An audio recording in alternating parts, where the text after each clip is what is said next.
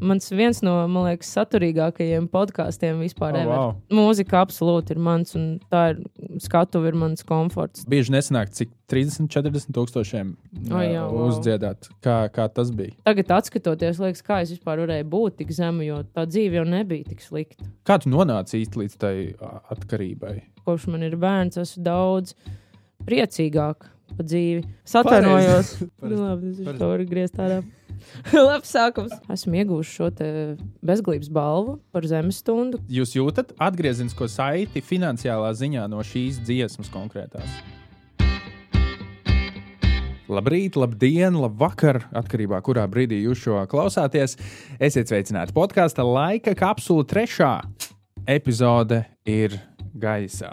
Tiem, kas eh, klausās audio, bet neredzēja video, es nospiedu to klapīti, ko parasti izmanto Holivudas filmās, nu, vai vienkārši filmās. Šodien pie manis ciemos ir brīnišķīgas balss īpašniece. Jūs iespējams viņu zināt no grupas Kaut Kaili. Starp citu, Kaut Kaili iznāca debijas albums pavisam nesen, ko es iesaku noklausīties. Patiešām fantastisks albums. Noklausieties uzreiz pēc šīs epizodes. Iespējams, jūs viņu zināt arī no dziesmas Zemes stunda kopā ar Anci. Varbūt jūs viņu esat redzējuši Prāta vētras koncertā, izpildot šo dziesmu kopā ar Anci un arī ar Prāta vētru. Varbūt eh, jūs viņu zināt no citām dziesmām kopā ar grupu Laika Suns, ar Jānu Šepkevicu, Aiju Andreju, Agnesi Rakovsku. Katrā gadījumā par šo un daudzām citām lietām mums sanāca, manuprāt, ļoti eh, godīga, atklāta interesanta un patiesībā jaunumiem bagāta saruna. Bija vairākas lietas, ko es, eh, es tiešām nezināju. Tieši tāpēc es nevilkšu laiku garumā un aicināšu jūs visus noklausīties šo epizodi. Mīļie draugi, laika kapsulas trešā sērija ir gaisā kopā ar Kristīnu Pāži.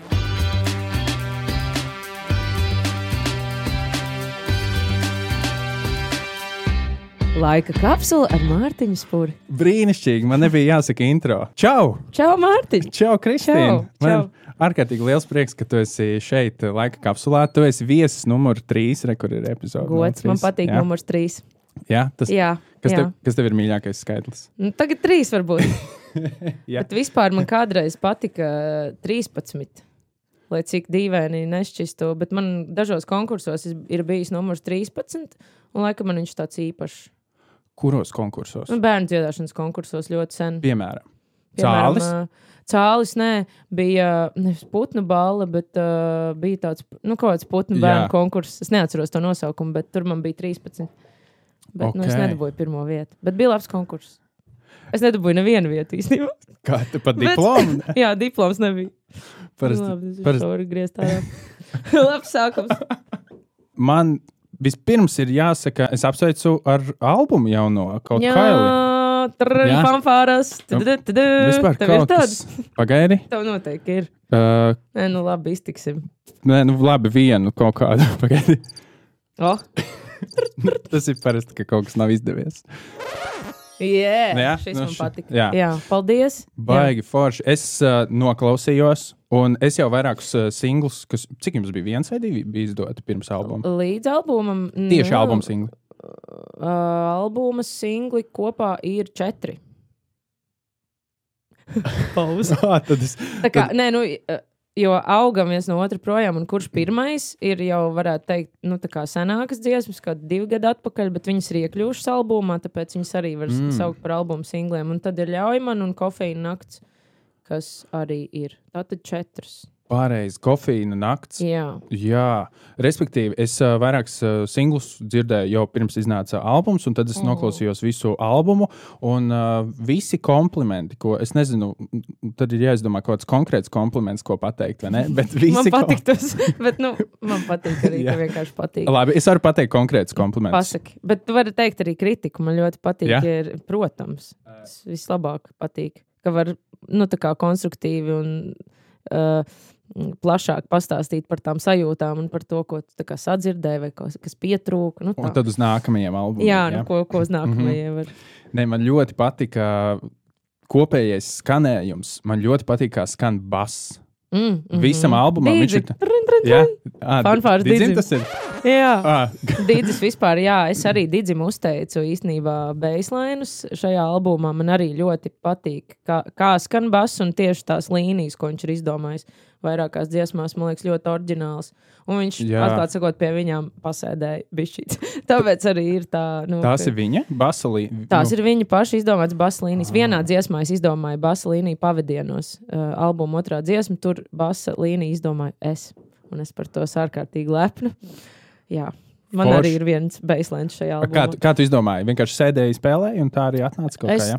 Toreiz Loģikā ierakstīju to pirmo skici, kaut kāds gads, pusotrs atpakaļ. Uh, to dziesmu viņa bija bijusi citā formā. Tad, bet, uh, un tad es uz uh, mīdiju klavierus iespēlēju tādu Mm. basu līniju, kas man likās piestāv tam visam, kas tur apakšā darās. Nu, tā. Jā, Jā, un tad Digis noticēja šai līnijai, jo parasti mums ir, nu, mēs parasti ļoti daudz diskutējam par to, vai šis tā kā dara vai nē. Un tad brīnumainā kārtā šī basa līnija iekļuva albumā, un Digis viņu nospēlēja beigās uz basiņu, un tad tas tā, nu, skaisti saslēdzās. tagad es pievērsīšu uzmanību. Konkrēti, otrā dziesma. Jā, Mm -hmm. Un, uh, jā, tā tad basa līnija man nenormāli, ne, ne, nu, basa Basiņš, jā. basiņš, jā, mm. -hmm. kā skan, viņš tāds patīkams, tāds maigi tumīgs, es viņu norakstīju Jā. kaut kā. tas ir labi. Jā. Tā tad labi samiksēts arī. Labi samiksēts. Jā. Un kā mēs zinām, miksētājs ir. Miksētājs ir Digis, pats uh, Digis Bardo un arī Krists. arī Krists Krūskops uh, aplaus abiem puišiem. Jā, viņi tiešām. Tev ir arī aplausi. Man taču ir aplausos. Brīnišķīgi. Paturpini, jā. Jā, nu visas uzslavas uh, abiem puišiem par uh, sveicienu Kristam un Digim. Tiešām paldies. Viņi pavadīja ļoti daudz stundas, un kā es Facebook uh, ierakstā par šo albumu minēju, tika tērēti daudz nervi un ausis un stundas un uh, upurētas naktis, lai tiktu samiksēts. Jo, nu, tas ir tāds grūts uzdevums. Tas ir gaumas jautājums īstenībā. Tas albuma miks, to tu vari nodot arī kādam citam, jo Latvijā netrūkst puišu, puišu nu, cilvēku, kas to dara. Uh, bet mēs kaut kā izvēlējāmies paši to darīt, jo pēdējie singli parāda, ka, ka mēs labi dzirdam. Mums tā šķiet, ka mēs paši labi dzirdam, kas ar to visu jādara, un ir diezgan grūti citam nodot to, kā mēs dzirdam. Un tad tur futbolēt komentārus turp šurp, tas arī ir diezgan laikietilpīgi. Bet arī mākslinieks īstenībā Andim Mansonam, paldies, viņš nomāsterēja visu albumu. To, nu, lai tas tā kristāli dzirdāk skan. jā. Nu, tā, nu. Bet nu, es domāju, ka nākošo albumu mēs dosim kādam citam miksēt, jo tas bija pārāk grūti. Kas bija grūtākais tajā visā miksēšanas procesā? Ja drīzāk tajā procesā, ka jūs paši ierakstījāt albumu. Nu, tā kā paši, jums nebija studija, studija. Mums nebija studijas, studija. Mums ir tāds Bilija Eiliša un viņas brāļa stāsts, ka viņa mājās visu raksta un dara. Un savā ziņā tas ir skaisti, ka lauku mājās var to novest līdz šādam rezultātam. Bet uh, Viss bija grūti. Viss bija grūti, jā, bija grūti tas, ka tev vienā dienā patīk, tad tu nākamajā dienā atver to projektu, un tev pēkšņi sāk kaut kas nepatikt, un tad tu tā kā piemiksē. Tad tu vēlāk vakarā klausies, tev atkal kaut kas. Nu, mums laikam tā problēma, ka mēs esam ārkārtīgi lieli perfekcionisti. Un tas Mhm. mums diezgan nodarīja pāri albuma procesā, jo, jo mēs netikām vienkārši līdz galam. Daļai tā, ka, protams, arī domstarpības, viens dzird tā, otrs dzird citādāk. Un, Un tagad vēl trešais cilvēks, Krists, un tad ir nu, vēl grūtāk vienoties kaut kādā kopsaucējā. Bet, um, jā, laikam tas deadline palīdzēja to albumu pabeigt un, un to perfekcionismu nolikt bišķiņu malā, jo vienkārši vairs nebija laika. Jo mēs jau varētu pulēt vēl gadus, uh, divus visu to Mm. albumu, bet mēs kaut kā. Vajadzēja apstāties vienkārši. Protams, es tagad klausos, un tur to varēja labāk. Tur, tas, ir laikam, vietas, ja, kur man lietas. ir vietas, man ir dziesmas konkrētas, un, un kur varēja citādāk iet. Nu, bet, ko nu par to? Neliksim, izdarīts. neliksim cilvēku galvās tās vietas. Jā, tā kā, lai viņi mājo pie tevis. mūžīgās šaubas, kas vienmēr piezogās, un, un es netieku no viņām vaļā. Un pat tad, kad albums jau dzīvo savu dzīvi, es tāpat atrodu, kur piekasīties. un Tā ir laikam tāda kaita. Man ir bijis tā, ka mēs uh, ar Franko Franko mēs ierakstām uh, uh, albumu, dziesmas ir gatavas, mēs mm. viņus Mhm. palaidām, un tad mēs spēlējam koncertus. Mm -hmm. Un tad Mhm. koncertos tad es tikai atrodu to, ka ah, bet ši, šeit īstenībā forši tā bungu partija skan labāk tā. Jā, jā, mums ar tā mēdz. Un tad ir būt, žēl, jā. ka tu neesi to ierakstījis iepriekš. Mm. -hmm. Bet man liekas, ka tā ir. Tas tā ir. Un baigi forši, ka tu saki, ka jūs nu, izdomājāt novilkt to robežu. Mm. -hmm. Ok, bišķiņi apstāsimies, mums ir jāpabeidz. un tā. Cik sen uh, jūs nolikāt to deadline? Cik, uh, kad jūs sākāt vispār šo albumu veidot? Pieci gadi atpakaļ. Visu Nē, nu, mūžu. nu, kā nu, sākām, nu, tur dažas dziesmas ir dzīvojušas uh, manā galvā jau vairāk kā piecus gadus. Nu, man bija, man vispār materiāls ir trim albumiem. Es vienkārši viņu turu savos voice memos telefonā un vēl kompī un vis kaut kur. Bet nu, diezgan ilgs tas process ir bijis. Jā. Lai gan daudzas no dziesmām, kas ir albumā, ir šogad uzrakstītas, es tādu labu kursu uzņēmu un uh, neko daudz n- nekritizēju, un vienkārši rakstīju dziesmas, un mēs viņām ticējām un pabeidzām viņas. Bet uh, par deadline runājot, kāds bija jautājums? Uh, cik, viss kārtībā. Cik sen jūs uzlikāt to deadline? cik es domāju, sen? kurš bija tas Nu, brīdis, nu, piemēram, pirms diviem gadiem? Vasarā, nē, vasarā bija tas deadline, kad mēs sapratām, ja mēs šogad neizdodam albumu, tad mēs esam lohi. jo nu, cilvēki jau mēs paši no sevis ļoti daudz gadus gaidījām, kad nu, Jā. tā beidzot tā kā varētu. Un arī mūžīgi tu aizēji pie kāda uz rādio, un tad prasa, nu, kur tad ir grupas albums? Mm. -hmm. Un tad tev jau tas jautājums, tev jau sāk palikt kauns pašam no sevis, ka, nu, nu cik tad ilgi var marinēt. Tad sanāk, vasarā jūs. Vasarā mēs uzlikām deadline, jā, mēs aizgājām Ah. pie mūsu LT draudzenēm, un mēs kopīgi tā kā nolēmām, ka Kādam draugam? Uh, pie Gunas Zučikas un uh, Kristīnas Klēnas LT Every Little Thing management Ah, uh, pareizi, es zinu, every little Jā, thing. nu, es domāju, protams. ELT. Es, Ja viņam jā. tas tāds, jā. Draugi tā saka tikai. Jā. jā. Mhm. Un, un aizgājām pie viņām, un tad kopīgi nolēmām. Man šķiet, tas bija vasarā, varbūt pat tas bija agrs rudens. Nu, diezgan nesen mēs izlēmām to deadline uzlikt un izziņot koncertiem darbnīcā. Tad kā tev Pāris- vispār vairs nav kur atkāpties. Tev ir vienkārši. Pāris mēnešus atpakaļ tas ir. Jā, principā. jā, principā jā. Wow. Un tad, nu, tāpēc arī bija jāpasēž tās naktis. Kofeīna lai- naktis. Kofeīna naktis, jā, jā. Priekā. Priekā, jā. Man ir jāpasaka kompliments publisks, jo es tiešām tā arī domāju, un es uh, to tev saku aiz, mu, uh, es to saku aiz muguras tev bieži. Kā. Ko tu tur runā? es runāju aiz muguras. Nu, nu. Uh, es saku, uh, ir kaut kāda saruna, un es saku, man liekas, Kristīnai Pāžē ir viena no labākajām Latvijas uh, vokāliem, tā kā balsīm. oh, wow, sieviešu paldies. Uh, es pat teiktu, īstenībā, jā, kāpēc sieviešu vokāliem? Vienkārši vokāliem. Mm. -hmm. uh, man nenormāli patīk tavs vokāls tembrs. Uh, es neesmu vokālais pedagogs, bet reģistrs, vai ne? Nu, viss, kā jā. tas izklausās, tas ir vienkārši super. Un es domāju, no kurienes tev nāk tā balss? Mm. Nu, Neskaitot gēnus, gan jau. paldies par komplimentu. Jā. Nu, mm, no kurienes nāk tā balss? Tā balss īstenībā ir augusi, jo vēl 10 gadus, 11, 12 gadus atpakaļ man bija bišķiņa citādāk balss. Un tad man Digis uzdāvināja ģitāru pirmo. Tur arī vesels stāsts, kā mēs satikāmies. Un, eh, un caur to instrumentu laikam es vispār iemācījos attīstīt to balsi. Viņa kaut kā nosēdās gadu laikā, jo tiešām 12 gadus atpakaļ man tā, kā, tā balss jau bija, bet viņa nebija tik, kā to var saukt, bieza. Tāda, Jā, jo tev ir pu pufīga balss. Pufīga balss. Tad, tad, kad tu dziedi zemos, zemās Jā. arī viņi izklausās super. Tad tu klausies, tad, ah, jā, tā ir Kristīna. Nu? Tas ir, jā, tas ir nācis tiešām caur, caur ģitāru spēlēšanu, caur dziesmu rakstīšanu, ka tu pats iepazīsti sevi labāk. Jo nu, es vienmēr esmu dziedājis tīri ok, bet, bet tas laiks, kad es sāku spēlēt un pavadīt sevi uz instrumenta, tas bija tas, kad, eh, kad tā balss sāka nākt. Un, Vēl tur visādi dažādi apstākļi, kas palīdzēja tai balsī nosēsties. Es drīkstu vaicāt, kādi? Tad, nu, papīpēja meitene pāris gadus, nu tā nopietni, jā, marihuānu Ā, smēķēju. Gribēju Drīkst ne- prasīt, drīkst ko ne- tu pīpēji? Es pīpēju visu kaut ko, bet, nu, marihuānu es pīpēju, jā, sešus Aha. gadus aktīvi. Tad tu iesaki, lai Es cilvēki neiesaku. dabūtu Kristīnas pāris balsi.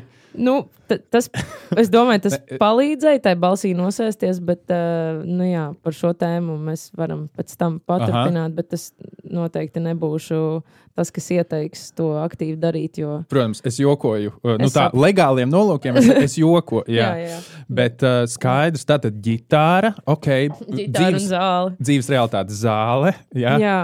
Un vēl kaut kas. Mm. Es daudz klausījos mūziku.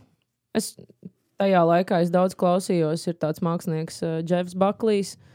Uh, viņš, diemžēl, vairs nav dzīves, bet uh, viņš raksta ļoti skaistu mūziku, un viņam ir tāda eņģeļa balss, un arī gan zemais, gan augšējais reģistrs vispār caur mūzikas klausīšanos. Mm -hmm. Es uh, atradu to savu balsi. Es domāju, ka tas nāk caur to, ka tu pats rakstīji un komponēji dziesmas. Man viennozīmīgi tas palīdzēja. Un tas dzīves vējš. Es atceros, Dīdis man uh, kādreiz pirms 12 gadiem, kad mēs iepazināmies realitātes šovā, Okards skatu, viņš toreiz par mani teica, ka, ka man vēl tas dzīves vējš nav pūtis sejā. Tagad viņš bieži saka, nu, ka tas vējš ir diezgan labi sapūtis tajā sejā un ka tā pieredze ir uzkrāta. Tagad es arī pat par sevi varu teikt, ka, ka tie gadi pagājuši un kaut kas ir iekrājies, un tāpēc arī tā mūzika nāk un rezultējās kaut kamā tādā jēgpilnā, man šķiet. Viņa jau ir slāņos, tā mūzika. Jā, nu, Jā. tas tas dzīves vējš. Tas ir tas dzīves vējš, jā. Jā. Albumu vajadzēja tā saukt vispār. dzīves vējš, nu tas nākamajam varbūt. Jā, dzīves vējš. Jo toreiz, kad es sāku, jau man bija 19 gadi, es biju tikko beigusi vidusskolu, un man māsīca man pieteica šovam aukartas skatuvi, un mani paņēma, jā, un tad tas tad sākās posms. Man ir divi jautājumi. Pirmais jautājums. eh, Dīdzis, no kurienes nāk, viņam ir tāds teiciens, tā kā, jo es nebiju dzirdējis eh, dzīves es domāju, varbūt tas ir kaut kāda reģiona. eh, Tāds, Dīdis nāk no pļaviņām, kur trīs novadi satiekās. varbūt es nezinu, vai tas uh, pļaviņās, varbūt Bet- saka tā.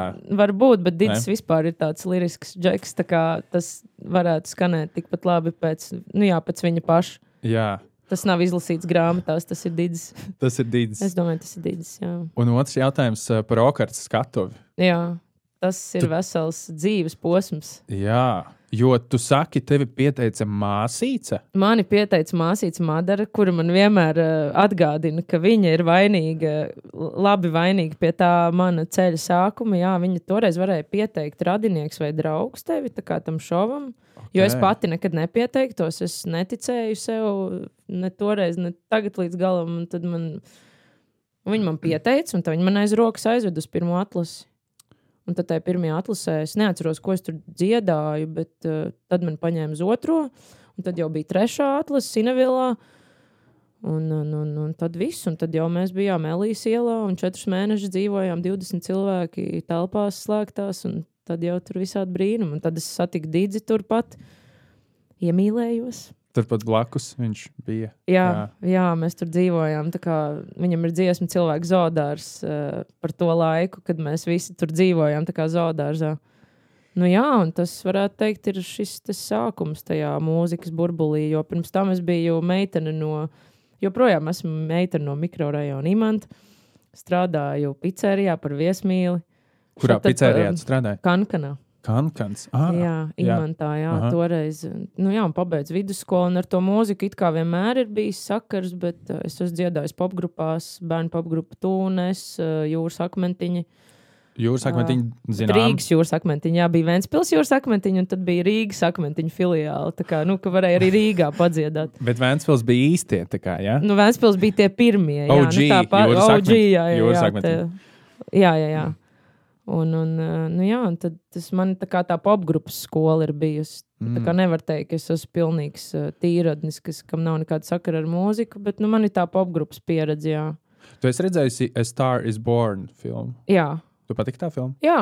Jā? jā. Uh, Man vienkārši atgādināja, tu teici par to pizzēriju, un tad es domāju, vai tev bija kaut kāds tas moments, kur tu tā kā ir tā, angļu saka, shift, kā ir latviski tas. Uh, Nu, kaut kāda Maiņa. pārmaiņa. Jā, Maiņa. maiņa jā. Bet, uh, un, un tu aizēji bišķiņā atpūsties, piemēram, tur uz uh, WC kaut kur, un tu, tu dziedi, un kāds sadzird, ka tu dziedi. Tev nebija tāda momenta. Ma- ka tu- Man tāds gluži nebija, bet man, uh, cik tas sanāk gadu atpakaļ, vēl pēc okartas es joprojām strādāju pa viesmīlu, bet citā vietā, uh, Doma laukumā. Un tur man bija dziedošās viesmīlas stāsts. Es varēju iz, izdzīvot, tā kā cilvēki zināja, man kolēģi, ka es dziedu. Un tad viņi gribēja izspēlēt tādu joku, ka es tur staigāju ar to paplāti. Un pēkšņi es uzkāpu, tur bija tāda skatuve, kur vienmēr dziedāja Flame and the Roltons, tur, nu, un vēl visādi citi Jā. mākslinieki. Un tad uzkāpa pēkšņi dziedošā viesmīla Kristīna uz tās skatuves un nodzied trīs dziesmas. Tas tāds, nu, tāda ekstra. Un tā arī bija. Un tā arī bija. Un es no, nodziedāju vairākas reizes uh, toreiz. Un tad bija šogad tāds skaists moments uh, Rīgas svētkos, kad uh, man bija jādzied Doma laukumā. Uz lielās skatuves. Mēs bijām tur. bija. Jā, nu, tu vadīji Jā, pareizi. Jā, jā. pasākumu, jā. Un turpatās ir tā doma laukuma, nekādu problēmu sauc toreiz to restorānu. Turpatās bija tā vieta, un es Ā. stāvēju uz tā podesta milzīgā, un es tā kā no augšas redzēju to visu to, to restorāniņu, un man nu, tā, tā, kā flashbacks bija tāds skaists, ka redzi, nu, tomēr kaut kāds ceļš ir noiets. Toreiz es te maza viesmīlīte skraidīju un sapņoju, ka es kādreiz varētu dziedāt uz lielām skatuvēm, un tad rekuras esmu. Cik Ta, forši. tas bija tāds uh, spēcīgs moments, jā, jā. Tieši- Pareizi, mēs visi kopā bijām. Te. Jā, jā. Šis ir tas brīdis, kur Tas es tas noteikti Star is Born brīdis. Es ielikšu teikt, to fragmentiņu, jo man ir uh, nofilmēts, kur es stāvu arī uz tā podesta, uz Tas pēdējo ir ļoti labs dziesmu. video. Tu zini to video, Tas ir jā? ļoti labs video. Jo tas ir labākais video vispār no tā pasākuma. Man ne- neviena cita video nav. Man arī nav īsti neviena video. Tas ir ļoti labs. Jā. Jā. Man varētu būt, ka krēsls uh, skan. Man Bet- arī skan. Bet tas nekas, tas viņš ir neiet miķī. Ja? Viņš Tev ir labi. Mārtiņam ir labi mikrofoni. Mēs nedzirdam trokšņus. Man vajag ieeju, man vajag VD 40. Jā, man ir mājās. Jā? var atrast. Ideāli.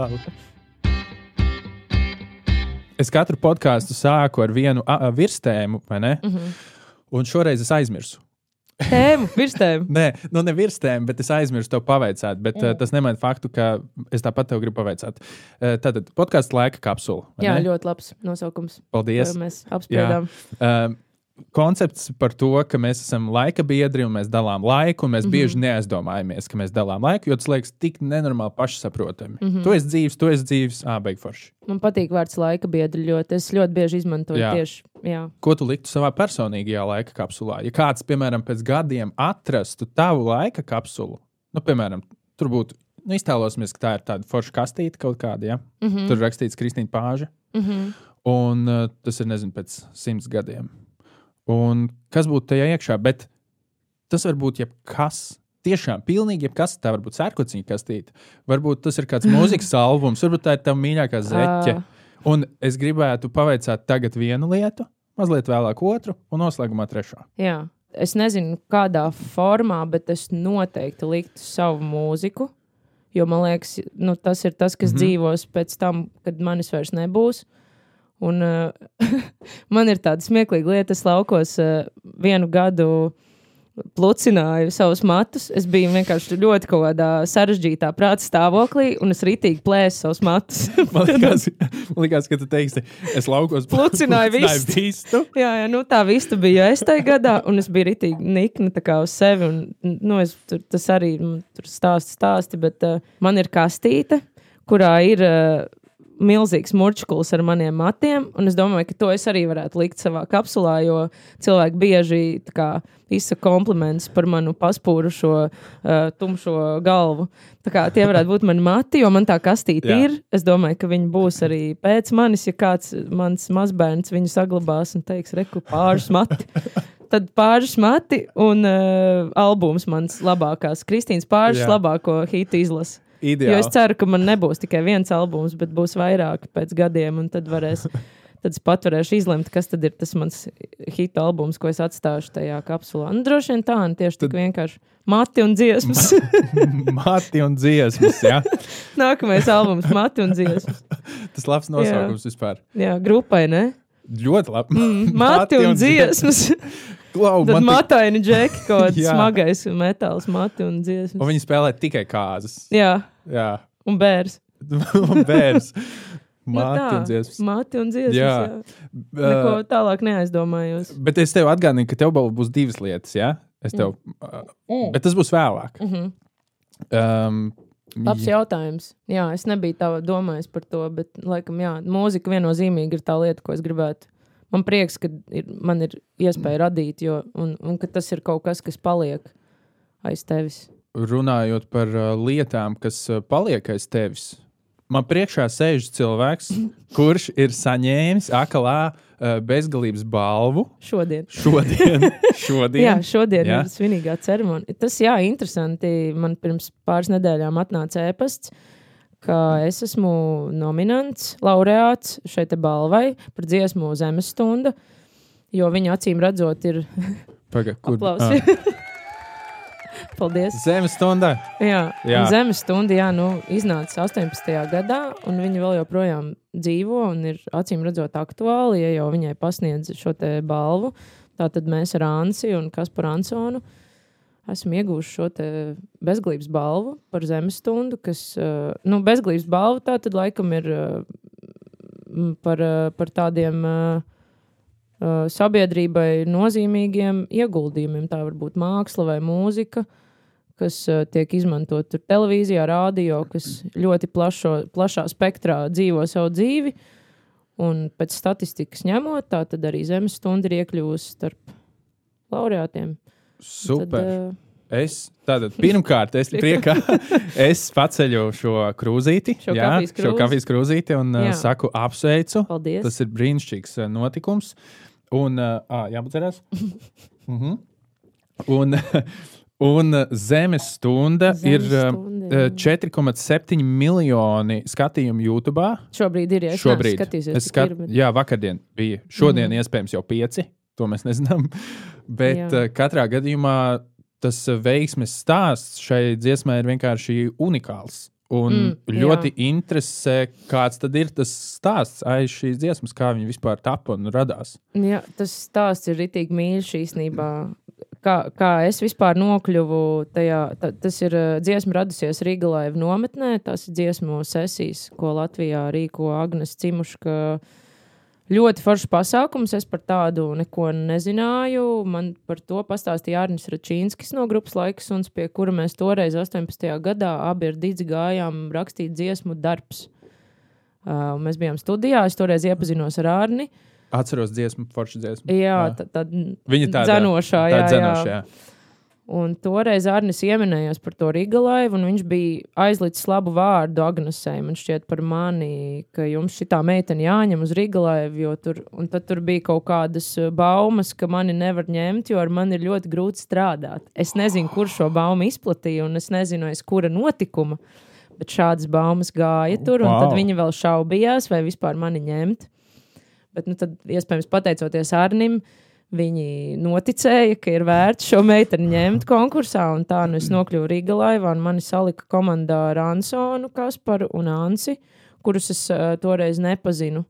Tur bija Mhm. katru dienu sadalījās komandās, un tad tev dod kādas septiņas stundas laika, un tev ir jāuzraksta dziesma ar pilnīgi svešiem cilvēkiem. Tas īstenībā ir neticami maz. Uh, Tas ir ārkārtīgi Laika, maz. Un tev jā. ir jāizspiež no sevis labākais, jo tiešām nav laika.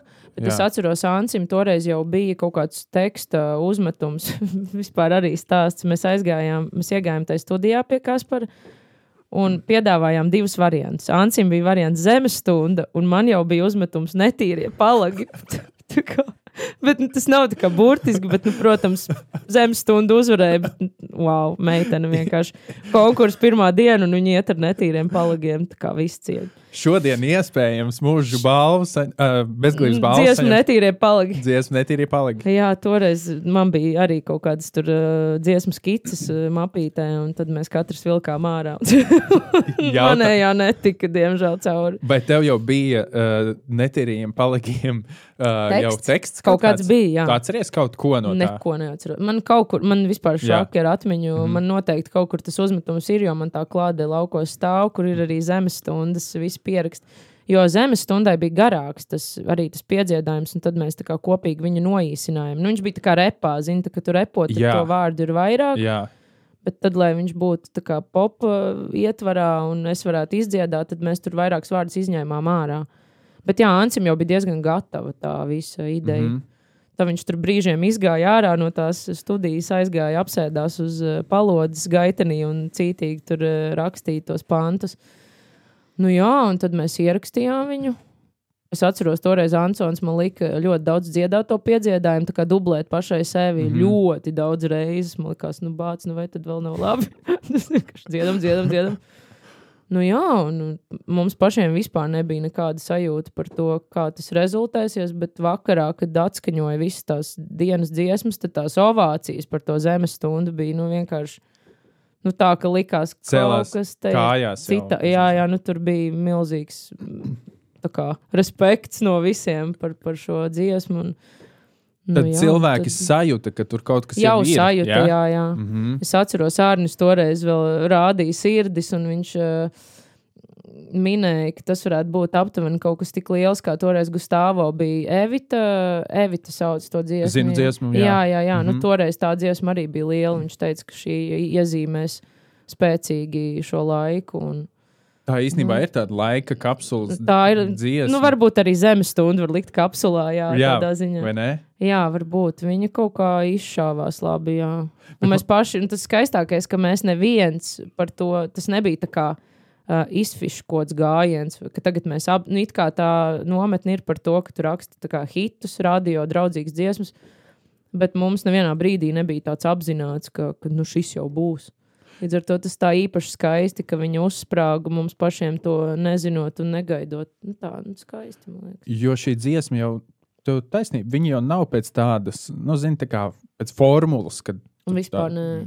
viņa vienkārši ir pati par sevi. Mm. Dziesma kā dziesma, tas ir līdzīgi kā Bohemian Rhapsody īsti nav pēc nekāda tāda. Nu, viņa vienkārši dziesma kā Jā, tā dziesma. ārkārtīgi sarežģīta dziesma. Nu, jā. Un rādio viņa spēlē. Jā, Un tā lai kā, gan nu, sākumā negribēja, es saprotu. Jā. Jā. Jā, Nu, tā filmā vismaz rādīja, jā, jā, jā, kaut kas tur bija ar to dziesmu. Bet kas ir tas, kā interesanti nostrādāja uh, tas moments, ka jūs neuzfilmējāt video klipu, jo 4,7 miljoni, bet tur ir tikai tā bildīte.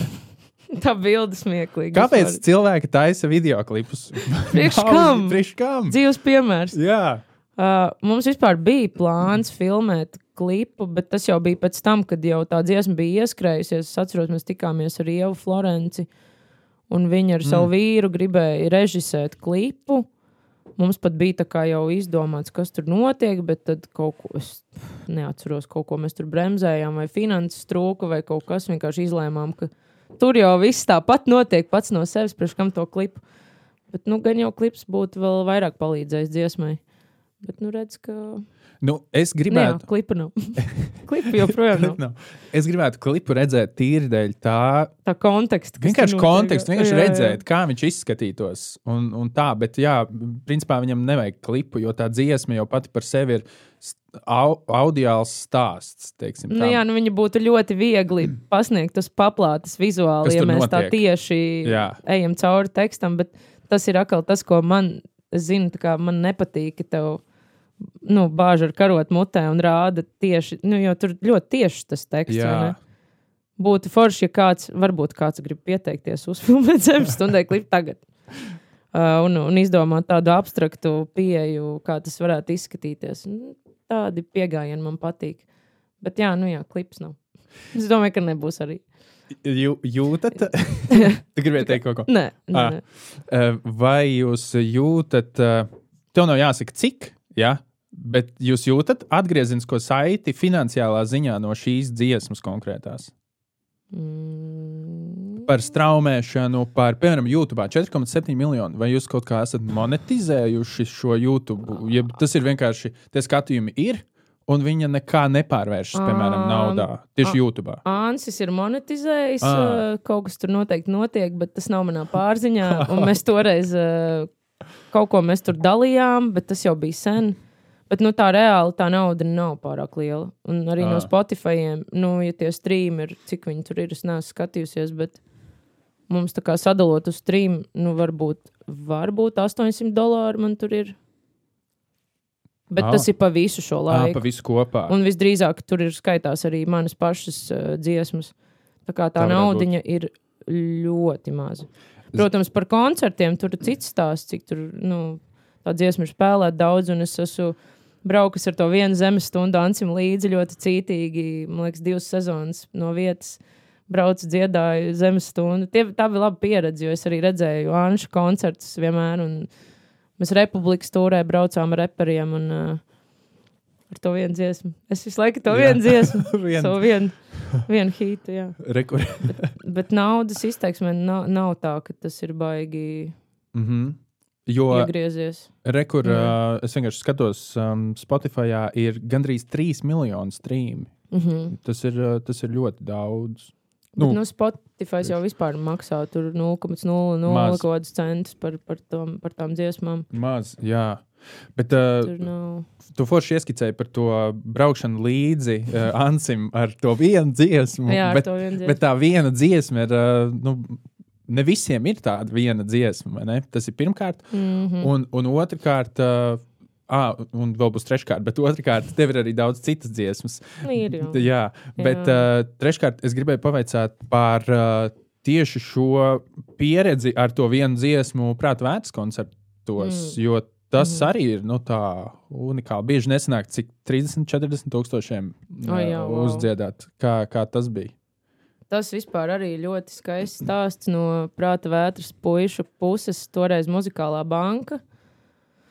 Cik jau gadi atpakaļ bija muzikālā banka, un mūsu zemes stunda tur nebija. Uh, es neatceros, vai mēs viņu piet... Nu, viņi vienmēr sakot, nebija Kā tur. tas ir iespējams? Un tad prāta vētra izspēlēja tādu gājienu, ka viņi savā numurā sāka spēlēt zemes stundu. Tā kā viņi spēlēja ogles, un tad pēkšņi viņi sāka dziedāt zemes stundu. Es toreiz nebiju tajā pasākumā, bet Ansis bija, un tas bija tā kā, nu, fenomenāls moments, kad nu, prāta vētra spēlēja Mhm. mm -hmm. tavu dziesmu. Vienkārši, nu, tāds drosmīgs gājiens, manuprāt, un no tā laika arī viņi toreiz nospēlēja un izdomāja, ka šī dziesma ir pelnījusi vēl lielāku atpazīstamību visdrīzāk un iekļāva savā koncertūrē. Un Tad man vienā dienā zvanīja Renārs Kaupers un oh, negribu zemes stundu uzdziedāt uh, meža parkā. Tāds, wow, nu, tā kā, nu, ka, nu, pirmkārt, jau man bija tā sajūta, nu, tā kā, kāpēc. Nu, zin, kā viņi spēlē savas Jā. dziesmas, un tad pēkšņi zemes stunda, bet no acīm redzot, tiešām tā dziesma ir tik būtiska un, un, un izdevusies, ka reku mēs varam tā. Nu, jā, nu tas tā, tāds skaists pagodinājums, un, protams, tas meža parks vispār. Un es pie tam netiku uh, sākumā uz to koncertu, jo bija paredzēts cits koncerts, kurā jau es biju absolvējis savu dalību. un Tad man bija tāds, nu, labi, nu, meža parks ies garām, nu, nekās, bet, nu, pārdzīvojums bija. Un tad vētras dēļ atcēla to, to otru koncertu, un man sanāca tikt uz to meža parku. Un, nu, tā sajūta, ka tur nu, tev tā kā tu iznāc uz tām trīs minūtēm. Jā, Un, principā, nu, ir tā kā blackouts, jo tu nepaspēji vispār kā apstrādāt visu to apjomu, ko tu redzi. Jau pirmkārt, tas cilvēku daudzums, kas liekas tāds abstrakts, jo tev tas iz, izskatās pēc tādiem kalniem, cilvēku kalniem. Tu neapzinājies sākumā, ka tie visi ir dzīvi cilvēki. Un, nu, tas vienkārši tāds. Mm, Nu, nereāls brīdis, mm. liekas, un viņš ir tik īss, ka tu nepaspēji viņu pat kā iesūkt. apsmadzeņot, kas tikko notika. Tu viņu saproti tikai nākamajā dienā, kad tu guli gultā un teici, ko es tagad darīšu savu dzīvi. Zini, kā tas tāds Tā kā augstākais. tā kā punkts uzšaujies jā. gaisā, jā, un tad tu esi atkal lejā, un tev ir jāsāk diena no jauna. Tas bija skaists moments, jā, bet es atklāti sakot, nu, man bija uh, ausu monitori ausīs, un man bija ļoti jāklausās, lai es dziedu taimingā, tāpēc, ka tagad, kad tu esi uz liela skatos un tu ej pa to mēli, tad tur ir uh, tā kā nobīde, dīlējs tur ir, tev tā kā, Ah. nu, klibo taimings, tev ir, nu, tā kā, kā tas sauc, atbalsts, ja laikam, E, nu, nu vienmēr jā, sakot, eko, tur, jā, jā, eko kaut kāds notiek, un tev ir baigi jāklausās, lai tu nenobīdies no tempa. jā. Līdz ar to man vēl bija jādomā līdzi, lai es nodziedu ritmā, un lai nekas tur neklibo. Un tad tik daudz lietas, par ko tev jādomā, ka tu nepaspēji tā kā līdz galam. Tā kā, tā kā Renārs var iznākt. Un, nu, visi viņu mīl, viņam pat nekas nav jādara. Viņš vienkārši iznāk Un un, bauda. Un viss, un bauda jā. jā. Tā ir laba sajūta. Bet nu, vairāk es varēju izbaudīt Liepājā, jo mēs divus gadus pēc kārtas šo gājienu. Šogad Liepājā Sanāk, bijām. jūs, di, tu esi divas, divos koncertos Jā, uzstājies. pagājušajā gadā Mešparkā un šogad Liepājā. Es biju Liepājā. Jā, Es, es arī- biju. Ā, Ko tu darīji?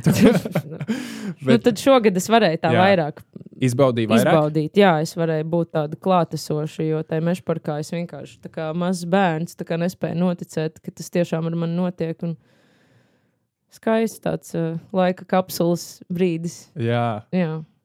Ne, tev nav nekāds stāstījis, piemēram, zini, kad iziet uz skatuves, tad tu uztaisīji. Bet tu laikam. A, man bija viens stāstījis, laikam, meža parkā, kad es nodziedāju, un tad mums bija ļoti jā, operatīvi jānoskrien no tās mēles. un man nokrita kurpe un es paklupu. Un... Tāds brīdis. tas neveikls bija. Bet Bet es kaut kā to video? kurpi dabūju atpakaļ. Viņš ir redzams video koncertu filmā, kā es paklūpu bišķiņu. Ah, vāc. Jā, un es viņu tā operatīvi to kurpi uzvilku atpakaļ un skrēju tālāk, jo vienkārši nebija. la- Nu, labi, ka es nenogāzos. To gan varētu diezgan labi redzēt. Bet tāds moments neveiklais, vienīgais. Jā. Bet pārējais tur bija kārtībā. Es domāju, Cik forši. Cik forši, ka tāda jā. pieredze ir. Tas ir iespējams. Un interesanti klausīties, ka tu saki, ka tev bija paredzēts koncerts. jā, Bet ir tāds, atcēla. jā, bet ir tāds, ah, nu, meža parkā, ai, nu, žēl, nu, man jau ir sarunāts, neko darīt. Nu, jā, nu, ja tu esi apsolījis. Nē, nu, jau- it kā tā ir, bet iedomājies, cik tas ir. Nu, Tas ir traki, ja tev tas ir tāds tā kā viens no mūža spilgtākiem notikumiem, kur tu vari nebūt dēļ tā, ka tev jau ir kaut kas tāds. Jā, un iedomājieties, un, un tajā brīdī es tā kā pat neapsvēru, ka es varētu kaut kā Sarunāt. sarunāt, varbūt, ka es neesmu tajā, jo, nu, meža parks, tad man tas likās, nu, kā es esmu apsolījis cilvēkiem, man ir Jā. jābūt. Nu, nu, neko darīt, nu, nebūs meža parks. Un Tagad vienkārši liekas, nu, jocīgi, nē, es nu, kaut kā saslimsti no aizskaras. Nu, es nezinu. Nu, tā, nu, Nē, nu, nu, jā, bet nu, viss redz salikās pats. jā. Man Pozitīvais, nekas jādara. pozitīvais stāsts ir, ka tev ir augsta atbildības sajūta. Nu, Tas ir labi. Tā tas laikam sanāk, jā. Tas ir labi. Jā, Jā, jā. Nu, forši. Paldies, prāt, vērts puišiem īstenībā. Paldies. Šo klausieties. Pa- paldies. Paldies jums. Paldies, Paldies. arī Ansim, jā, vispār, ka mums ir tāda uh, laba sadarbība. Mēs gan neesam šo dziesmu vairs izpildījuši. Uh, Kad jūs sen. izpildījāt pēdējo reizi? Liepājā? Ja pēc... Jā, Liepājā. Tad arī bija? Jā, jā, jā. Tas bija vasarā, šovasar. jūlijā, Liepājā. Jā. Jā. Nu, kaut kā Ansis, man liekas, izvairās no šīs dziesmas. Jo nu, viņi ir tādi, nu, arī laikam, tas fakts, ka viņš pats nav producējis iespējams šo dziesmu, un viņš vispār ir tāds konceptu džeks. Viņš, tā kā, viņš uzraksta albumu, un tad mm -hmm. viņš Mhm. tikai to albumu arī spēlē. Un man tas viņā patīk, ka viņš tā kā izdomā to savu stāstu. Un viņš bliež to savu stāstu. Mm. -hmm. Viņam var jautāt, kāpēc viņš nespēlē to vai to dziesmu. Viņam, ir, viņam viss ir ļoti skaidrs. Viņš ir mākslinieks. Viņš ir patiesi īsts mākslinieks, kurš zina, ko viņš dara. Atgriežamies bišķiņā pagātnē. Mhm. Uz uh, Dānijas laiku, jo es esmu lasījis, ka jūs ar Dīdzi Mhm. dzīvojāt Dānijā. Kopenhāgenā, jā. Jā. Divi ar pus gadus. Kā tas notika un ko jūs tur darījāt? Un kā jūs vispār izdomājāt, ka jādodas uz brīdi ārpus Latvijas? Mm. Tikko pēc tā realitātes šova mēs, uh, mēs kaut kā nevarējām ierakstīties nekur īsti. Mēs spēlējām tādus mazus koncertiņus tepat Rīgā, un kaut kā mēs nejutāmies pārāk labi vispār ar to, kas mēs esam. Iespējams, visa tā šova pieredze, mūsu tā publicitāte, bija viņa iedragāja mūsu pārliecības, un mums bija tāda sajūta, ka mums ir jāsāk no nulles, un ka mums ir vienkārši jātina makšķeri no, no Latvijas. Un es atceros, toreiz Digita māma bija kaut kur izlasījusi, tur, jā, tur Dānijā izglītības maksas, tur baigi labas programmas, un likās, nu, forši tur palas Dānija, zaļa zeme, tur visi ričukiem braukā, priecīgi cilvēki, it kā priecīgākā valsts, tur uh, viņa reitingos arī bija viena no pirmajām vietām ar laimīgākajiem cilvēkiem kas tā tiešām ir. Un mēs tā sajūtām, ka mums ir jābrauc un jāsāk no nulītes. Un bija tā multimediju dizaina programma. Cilvēkam bieži jautā, kāpēc jūs mūziku nebraucāt tur mācīties, jo tas būtu vairāk par tēmu. Kāpēc jūs nebraucāt mūziku mācīties? Tur bija sarežģītāks tas konkurss, tā ritmu konservatorijā mm -hmm. nevarēja tik vienkārši tikt. Un tas multimediju dizaina kurs bija tāds, kur, kur uzreiz mēs kaut kā pieteicāmies, uzreiz tikām abi divi arī vienā kursā. Visur vienmēr kopā. Tas tāds lāsts mums nedaudz, ka mēs vienkārši visur maucam kopā. Jūs bijāt vienā kursā. Mēs bijām vienā tur? klasē pat. Nu, tā, ka nu, Jūs arī visur kopā. Ah, Nu. Sēdējāt arī kopā? Nē, sēdēt kopā mēs nesēdējām. Nopietni? Nē. Ah. Mums bija katram savs biedrs, ar ko sēdēt. Vismaz tik daudz mēs eh, varējām nošķirties viens no otra. Jūs tā sarunājāt, tā kā, klab, bet, nu, viss jau forši, bet nesēdēsim kopā. Labi? Man liekas, mums tā organiski tas notika. Jā? Jā? Ka, ka mums jau bija tur savi latviešu draugi un rumāņu draugi. Tur vispār bija tāds baigies ķīsels tajā klasē. Nu jā, un tad mācoties tajā multimediju dizaina klasē, tu sāc ar laiku saprast, kur tu esi. Un tur īstenībā bija diezgan daudz arī jākodē, mājaslapas, un tas bija vienkārši tā kā pilnīgs nē. Tad Paga. es sapratu, ka mēs īsti neesam tur, kur. Uh, Nevis, tur bija jāfilmē tāds, kaut kas tāds. Tur bija tā tāds uh, kurs, kur tev iedod vairākas lietas vienā putrā. Tur montē video, tur kodē mājaslapas, tad tur kaut kāds PHP. Tur, nu, tur bija ļoti daudz no visa kā vienā programmā. Un tad, eh, tad nu, mēs tam visam būrāmies cauri un ar vien vairāk sapratām, ka tas vispār nav mums. Bet, nu, redz, tādu video montāžu reāli noderējusi, tagad montēju šad, tad. Tu esi klipus montējusi vairākus, es klipus ja? montējusi arī kaut kādu klipu istabā. Un uh, kašara klips, nu, visādas klipus īstenībā, un, un Digis atkal to grafisko dizainu, tur taisa disku vāciņus un posterus. Un tā, tā kā nevar teikt, ka mēs neko nepaņēmām no tā laika, bet nu, tā programma bija, bija nu, īpaši tā kodēšana nu, ka tu saproti, ka nu, šis vispār nepiepilda dvēseles. jā, nu, tas ir kā kuram. Tas ne? ir kā kuram, bet... jā, bet mums kaut kā nebija. Bet forši, ka tur bija daudz latviešu draugi, kas mācījās mūzikas ritma, ritma konservatorijā, un līdz ar to mēs tur tomēr tajā mūzikas hangā arī bišķiņi tikām padzīvojāmies. Mums tur bundzinieks Čoms Rinalds Maksīmovs laida tajā konģenē iekšā paspēlēt šad, tad tur pie flīģeļa varēja pasēdēt. Tur vispār tā skola superīga. Tur ir daudz klases. Katrā klasē mm. ir bungu sets flīģelis, vienkārši tur izpaudies. Un tad Rinalds mūs ielaida šad, tad, un tad mēs katrs varējām tur pabarot to savu mūz mūzikas uh, garu. Jo citādāk bija tāda, nu, kaut kā nevarējām atrasties tajā pilsētā. Bet vispār tā pieredze ļoti laba. Nu, tāda ārzemju pieredze un vispār Dānijas. Es daudz ko no tā laika paņēmu, kaut kādu tādu dāņu. Kaut vai lietu, kā apgaismojums, precīzi. Hugi. Kaut vai dāņu, kāds viņiem ir apgaismojums mājā. Nu, es Jā. zinu, manai mammai ļoti patīk tādi prožektori, kad nu, viss gaišs ritīgi. Man atkal patīk, ka ir nu, tumšs, un to es no dāņiem iemācījos, ka tev tas huglīgi, tas Noskaņīgs. Nu, tas, tā, tas noskaņīgais, jā, jā tāds, tāds pustumsiņš un mieriņš, un viss aizskar vaļā. Viņiem nu, kā vispār nekad nav aizskar ciet. Viņiem, Arī naktīs? Viņiem nav ko, viņiem nav ko slēpt. Nu, viņi tā dzīvo, jā. Viss, nu, tā kā bija viņa to dāņu mentalitāti paņēmām, tādu dzīves bezrūpību kaut kādā mērā. Un mēs dzīvojam diezgan labi tur. Bet tad mums sāka palikt garlaicīgais, tādas labas dzīves, ka tev naudiņa nāk, tur stipendiju tev maksā, tu tur esi labā darbā. Nu, Ko jūs okay. strādājāt?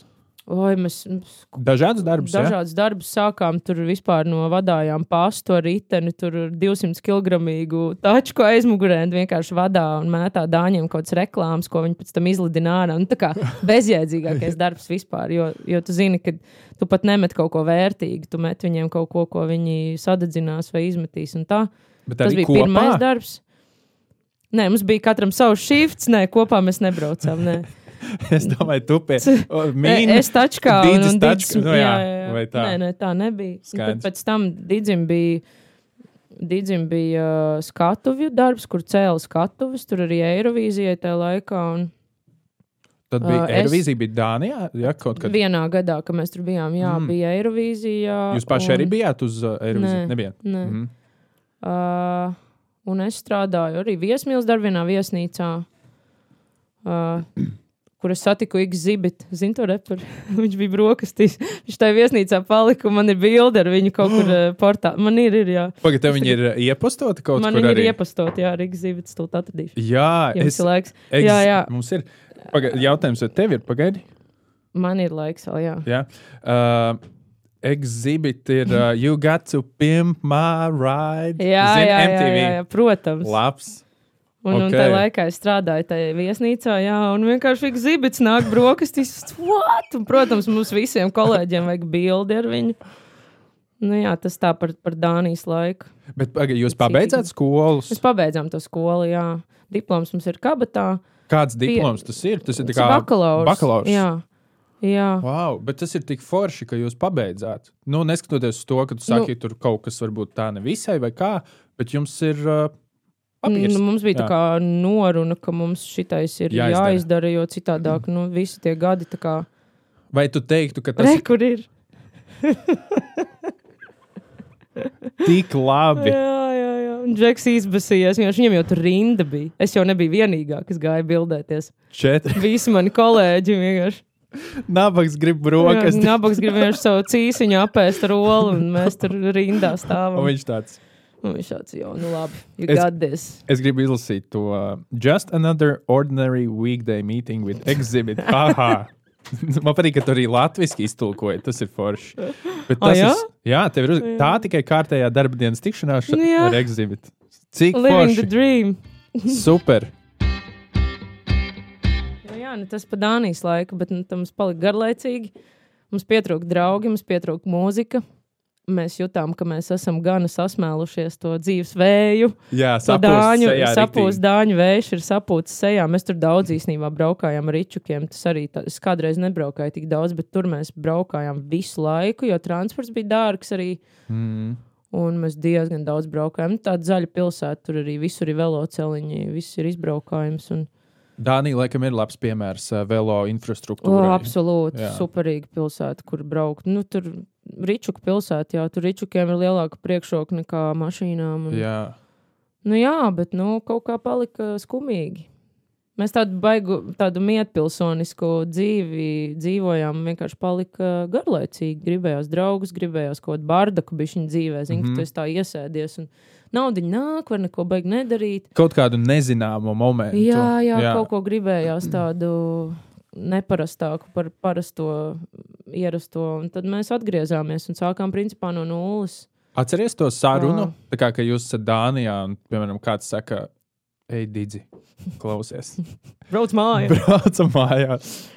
Mums tādas sarunas bija vairākas. Tā kā es neatceros, kur, mm. -hmm. kad bija pirmā, bet mēs jau abi labu laiku jutām, ka, jo mums, mēs dzīvojām ar, latviešu, ar latviešiem sākumā, un tie, tie bija skaidrs, ka paliks, jo viņiem tā kā nebija iespējams ko darīt Latvijā. Tad, bet mēs atkal bijām tie, kuriem bija skaidrs, ka mums ir jābrauc atpakaļ. Nebija pat baigi daudz sarunu. Mēs vienkārši sajūtām viens otru, ka, hei, ka mums ir jābrauc, jāspēlē mūzika diploms kabatā ir, varam braukt mājās, un tad mēs visu iedzīvi, cik nu varēja salasīt, no tā laika atgriezāmies. Jā. Jūs zinājāt, ka mūzika ir tas, ar ko jūs nodarbosieties, tad, kad jūs atbrauksiet. Kā bija, laikam, Aha. uz to mūziku, bet mēs paspējām arī Latvijā pastrādāt gan 9 līdz 5, gan mm. puslodzi. Un es atceros, ka es pat ar puslodzi netiku galā. Es vienkārši, es, uh, mēs ar Akala Dīdzi vienā darbā iedomājamies Latvijā. Sākumā viņš, un tad es, un mēs taisījām mobilos banerus ar visu to Dānijas pieredzi. Mēs varējām taisīt kā mobilās reklāmas. Tas forši. labs darbiņš, labi Jā. Apmaksāts, bet arī ar visu to, ka puslodzi es vienkārši jūtu, ka man tā kā laiks deg zem kājām, un ka es, es jūtu, ka es joprojām neesmu pareizajā vietā. Un tad mēs sākām pamazām bukot tos koncertus, rakstīt visādām vietām. Mums jau bija tur iespēlēts mūsu tāds duetiņš. Es biju Dānijā daudz rakstījusi mūziku, jau arī bija iekrājies. Un tad mēs sākām meklēt tos biedrus. Tā radās grupa kaut kāda tur caur. Sākot ar Kasparu Vizulu un Rudolfu Macetu sākumā mēs paspēlējām arī Strāva. Strāvas, strāvas puisis. jā. Strāvas puisis. jā. Tā, tad vēl nebija kaut kāda, tad bija vispār grupa Nenāk miegs. Tāda. Nu, mums bija tāds savs projekts, ko mēs spēlējām, manas dziesmas. Kad bija kopīgi? Dudo. Dudo pirms tam, jā. Dudo jau bija vēl Pirms Dānijā. Mēs spēlējām ar Dudo, ar, ar Dīdzi. Bet, bet nebija skaidrs uzreiz, jā, Jā. jā. ka vienkārši varbūt nebija ticība, ka tu vari ar to nopelnīt un dzīvot labi. Bet tāpat kaut kā, tomēr mēs atgriežoties no Dānijas, dzīvojām labāk nekā pirms Dānijas. Kaut kā mēs arī mm. -hmm. savu vērtību vairāk apzinājāmies. Tagad jūs esat kā pilnas slodzes mūziķi. Jā, Abi divi. jā. Cik ilgi jau tā varētu teikt? Uh, gadi, nu, es personīgi, laikam, nu, gadi, kopš zemes stundas gada, Mm. mm. 2018. laikam bija zemes stundas gads, Pieci, un tajā seši. gadā es aizgāju prom no tā mobilo baneru darbiņa. Es teicu kolēģiem, ka es jūtu, ka šis ir mans laiks. Jā. Un, jā, es atceros, ka es toreiz viņiem es atvadījos, un es teicu, ka nu, es pati sajūtu, ka pēc šīs Rīgājas nometnes kaut kas manā dzīvē mainīsies, un tā arī bija. Es spēru tādu drosmīgu soli un aizgāju prom no labi apmaksāta darba. Iekšā nezināmajā toreiz vēl nebija baigi, nu, nebija tur daudz koncertu un naudas. Un, bet uh, reizēm tas risks, redzēja, attaisnojās. Ir vēl kādreiz šaubas. Par profesiju vai par, uh, par izvēlēto ceļu? Jā, jā. jā, iekšējās par to, ka varbūt uh, kādā brīdī ah, nu tā mūzika jāmet pie malas, un tad ir jāatgriežas tajā. Tas tāds varbūt provokatīvs mm. jautājums, jo es ticu, ka nu, gan jau tu gribi ar mūziku nodarboties, bet es domāju. Savā sliktākajās dienās, kas man bija vēl pirms man piedzima dēls, man bija ļoti bieži šādas domas, ka es līdz galam nesmu nopelnījusi šo, šo iespēju būt uz skatuves. Un, bet tas bija laikā, kad uh, es smēķēju daudz, un man bija trauksmes un panikas lēkmes, un es biju tuvu īsnībā tādai burtiskai sevis iznīcināšanai. Tas bija tāds sarežģīts laiks, un tad es atceros, ka es apšaubīju pilnīgi katru savu soli. Man liekas, ka nu, mūzika nav mans, un ka man bezmaz jāiet atpakaļ, skraidīt ar savu paplāti, un ko es te vispār ākstos.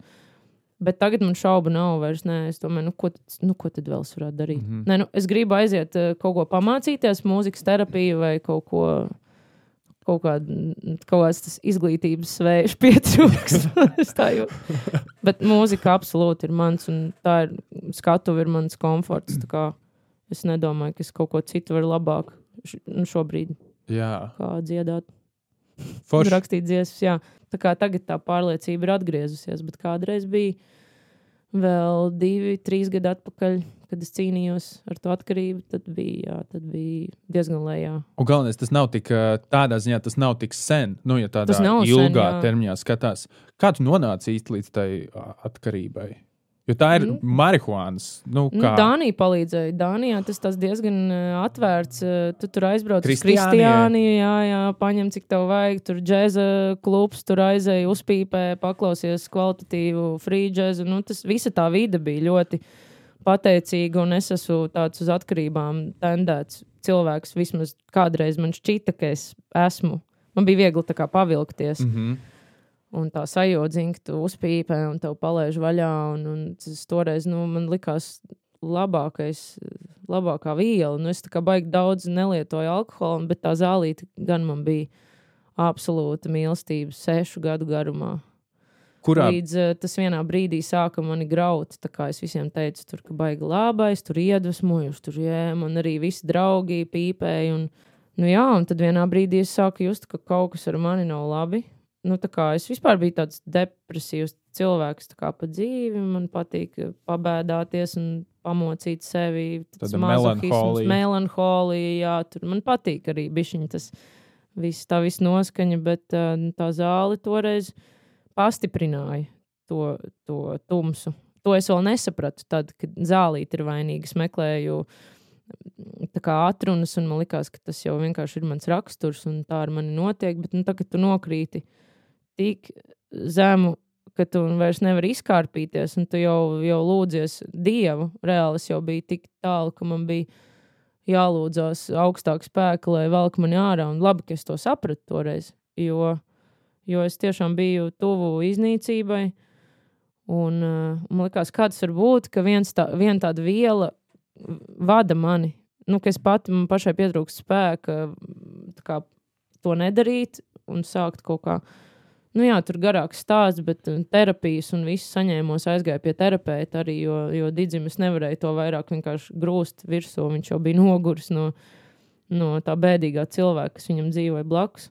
Noteikti grūti arī palīdzēt, ja tu neesi profesionāls. Nu, nu, tajā... arī, nu, zin, kā, viņš jau dzīvoja to visu līdzi, un viņam arī bija grūti, un viņš jau uzsūca to enerģiju. Tad līdz ar to, kāda tur ir kopdzīve, kāda saticība, ja tev vienkārši blakus ir bēdīgs murkšķis visu laiku. Nu, tā, tagad, skatoties, liekas, kā es vispār varēju būt tik zemu, jo tā dzīve jau nebija tik slikta, lai būtu. Bet tagad tu esi depresijā un, un, un ar atkarībām, un tad tu kaut kā neredzi to gaismu. Bet, nu jā, un, un interesanti, ka es tā kā izlēmu decembrī, trīs gadi atpakaļ, laikam, sanāk, trīs jau. Jā, trīs mm. gadi atpakaļ es izlēmu, ka jāpaņem pauze no tās uh, marihuānas. Tā kā nu, jāpamēģina ne, nepasmēķēt, jo es tiešām smēķēju katru dienu. Tas bija diezgan destruktīvi. Tas ir, tā, tas ir man vajag, tā ir mana degviela, tas ir bieži, jā, man to vajag. Tiklīdz tas beidzās, es vairs neesmu. Tā kā cilvēks zem antidepresantiem, ja tu neiedzer to tableti, tad tu neesi cilvēks. Nu, ja tu esi jau pieradinājis ķermeni pie tā. Tu jūti to vilkli, respektīvi, ja, ka tev vajag katru dienu. Nu, jā, nu man šķita, ka man vajag, un Jā. es biju tā tāds mazs narkomāns, kuram vajag vienkārši braukt, visu laiku dabūt, visu laiku pīpēt, visu laiku. Nu, jā, un tad es kaut kā atceros, ka es paņēmu, paņēmu to pauzi desmit dienas, un sapratu, ka es varu. Un, ja es varu desmit dienas, varbūt es varu mēnesi. Un tā, nu, pagājuši jau ir trīs gadi, un es vairs nesmēķēju. Uh, un tad tā skaistā lieta, ka pusgadu vēlāk, kad es nesmēķēju, es paliku stāvoklī. Un es to uztvēru oh. kā tādu, es tā kā attīrījos. Un uh, debesu tēvs un dīdis man dāvāja bērnu, jo nu, tas nebija tāds apzināts gājiens, bet tas tā skaisti sakrita, ka vienkārši tā kā mm, es izārstēju sevi un uh, mani atalgoja ar, ar brīnišķīgu dēliņu. Un kuram dēliņa, tūlīt būs divi gadi. un dēliņam vārds ir Bruno. Bruno. Jā. Sveicien, Bruno. Čau, Bruno. Varbūt Bruno kādreiz Bruno skatīsies šo. čalis vienkārši. Nu, tā kā tas viss kosmos, kā viņš strādā, tas, tas ir diezgan fenomenāli, kā tas viss salikās pa plauktiņiem. Un arī dzīve īstenībā sāk iet uz augšu. Kā vispār ikdiena ir mainījusies tagad? Es jūtu, ka es esmu produktīvāka, jo man vienkārši laikam ir mazāk laika, ko šķiest. Kādreiz Jā. es varēju stundām sēdēt, neko nedarīt, vienkārši sapīpēties un it kā kaut ko daru, bet tā- īstenībā vispār neko nedaru. Un tāpat teikt, ka nav laika. Jā, Jā. jā. jā, un tāpat nekam nav laika, un tas albums netop, un tā mūzika nerakstās, lai gan tev šķiet, ka tu visu laiku dzīvo tādā patīkamā bohēmā un kaut ko baigi dari. Un arī pozitīvāka dzīve ir palikusi. Es pati par sevi, kopš man ir bērns, esmu daudz priecīgāka par dzīvi un uh, mazāk pievēršu uzmanību visādām tur uh, mazajām problēmiņām, kas kādreiz bija daudz. un Tev vienkārši nav tam laika, tev ir jāveltās mm. mazajam cilvēciņam kuram nu, vēl vairāk problēmu nekā. Nu, nu, come on, viņam ir jāsaprot, kur viņš vispār ir ieradies, kā, te, kā runāt, kā staigāt, kā paskaidrot, kas man tagad nepatīk. Vai. Viņam Tas ir interesanti, jauns. ka, jā, ka tās rūpes, ka man tagad ir par ko rūpēties, un man nav jāmokās ar sevi. Nu, tā, nu, tikai, tikai labākā pieredze iesaku. Paldies! Tiešām. sev un citiem. jā, jā, Jā. absolūti. Forši. Taisiet bērns. Mums jārūpējas par Latvijas demogrāfisko stāvokli. Šobrīd Tā la, laikam nav pārāk labs. uh, Nav labs, jā. Man, Nu, es, redz. es nezinu, man nav bet dati precīzi, bet cik es esmu dzirdējis, man Iet šķiet, uz ka leju, nu, varētu laikam būt labāk. Tā, Droši vien, ka varētu, jā. Bet jā. no Jā. sarežģītā laikā dzīvojam. Es domāju, cilvēki arī ir tādi atbildīgi un viņi baidās varbūt uh, radīt pēcnācējus, jo tomēr kā arī apkārt. Un, nu, jā. Man šķiet, ka daudz cilvēku arī um, ir. Gribi iet uh, to ceļu, ko viņi grib darīt, un iespējams, mm -hmm, pirms viņi nav sev, jā, jā, sasnieguši to, ko viņi vēlas izdarīt, tad tas ir tas varbūt arī tā bremze, kāpēc. Mm. -hmm. uh, jā, Man arī visu laiku likās, ka vajag to īsto laiku. Bet tad kosmos man pārsteidz nesagatavot. Un teica, nu, kāds laiks vienkārši rekrutē būs, tagad mācies dzīvi no jauna. 22, 02, 2022, kas ir maģisks arī cipars bērnam. Pagaidām, 02. februārī. Februārī. Kurā 2, februārī? 2, 0, 2, 2, 0, 2, 2. Tas ir viņa Tas ir datums. viņa datums. Jā, jā. Tas Wow. ir Bruno Bardauska datums. Super. Jā, nu tā kosmosa sakārtoja manu dzīvi un arī dīdžu dzīvi. Un tiešām, ja kaut ko es varu rekomendēt, tad tie ir bērni.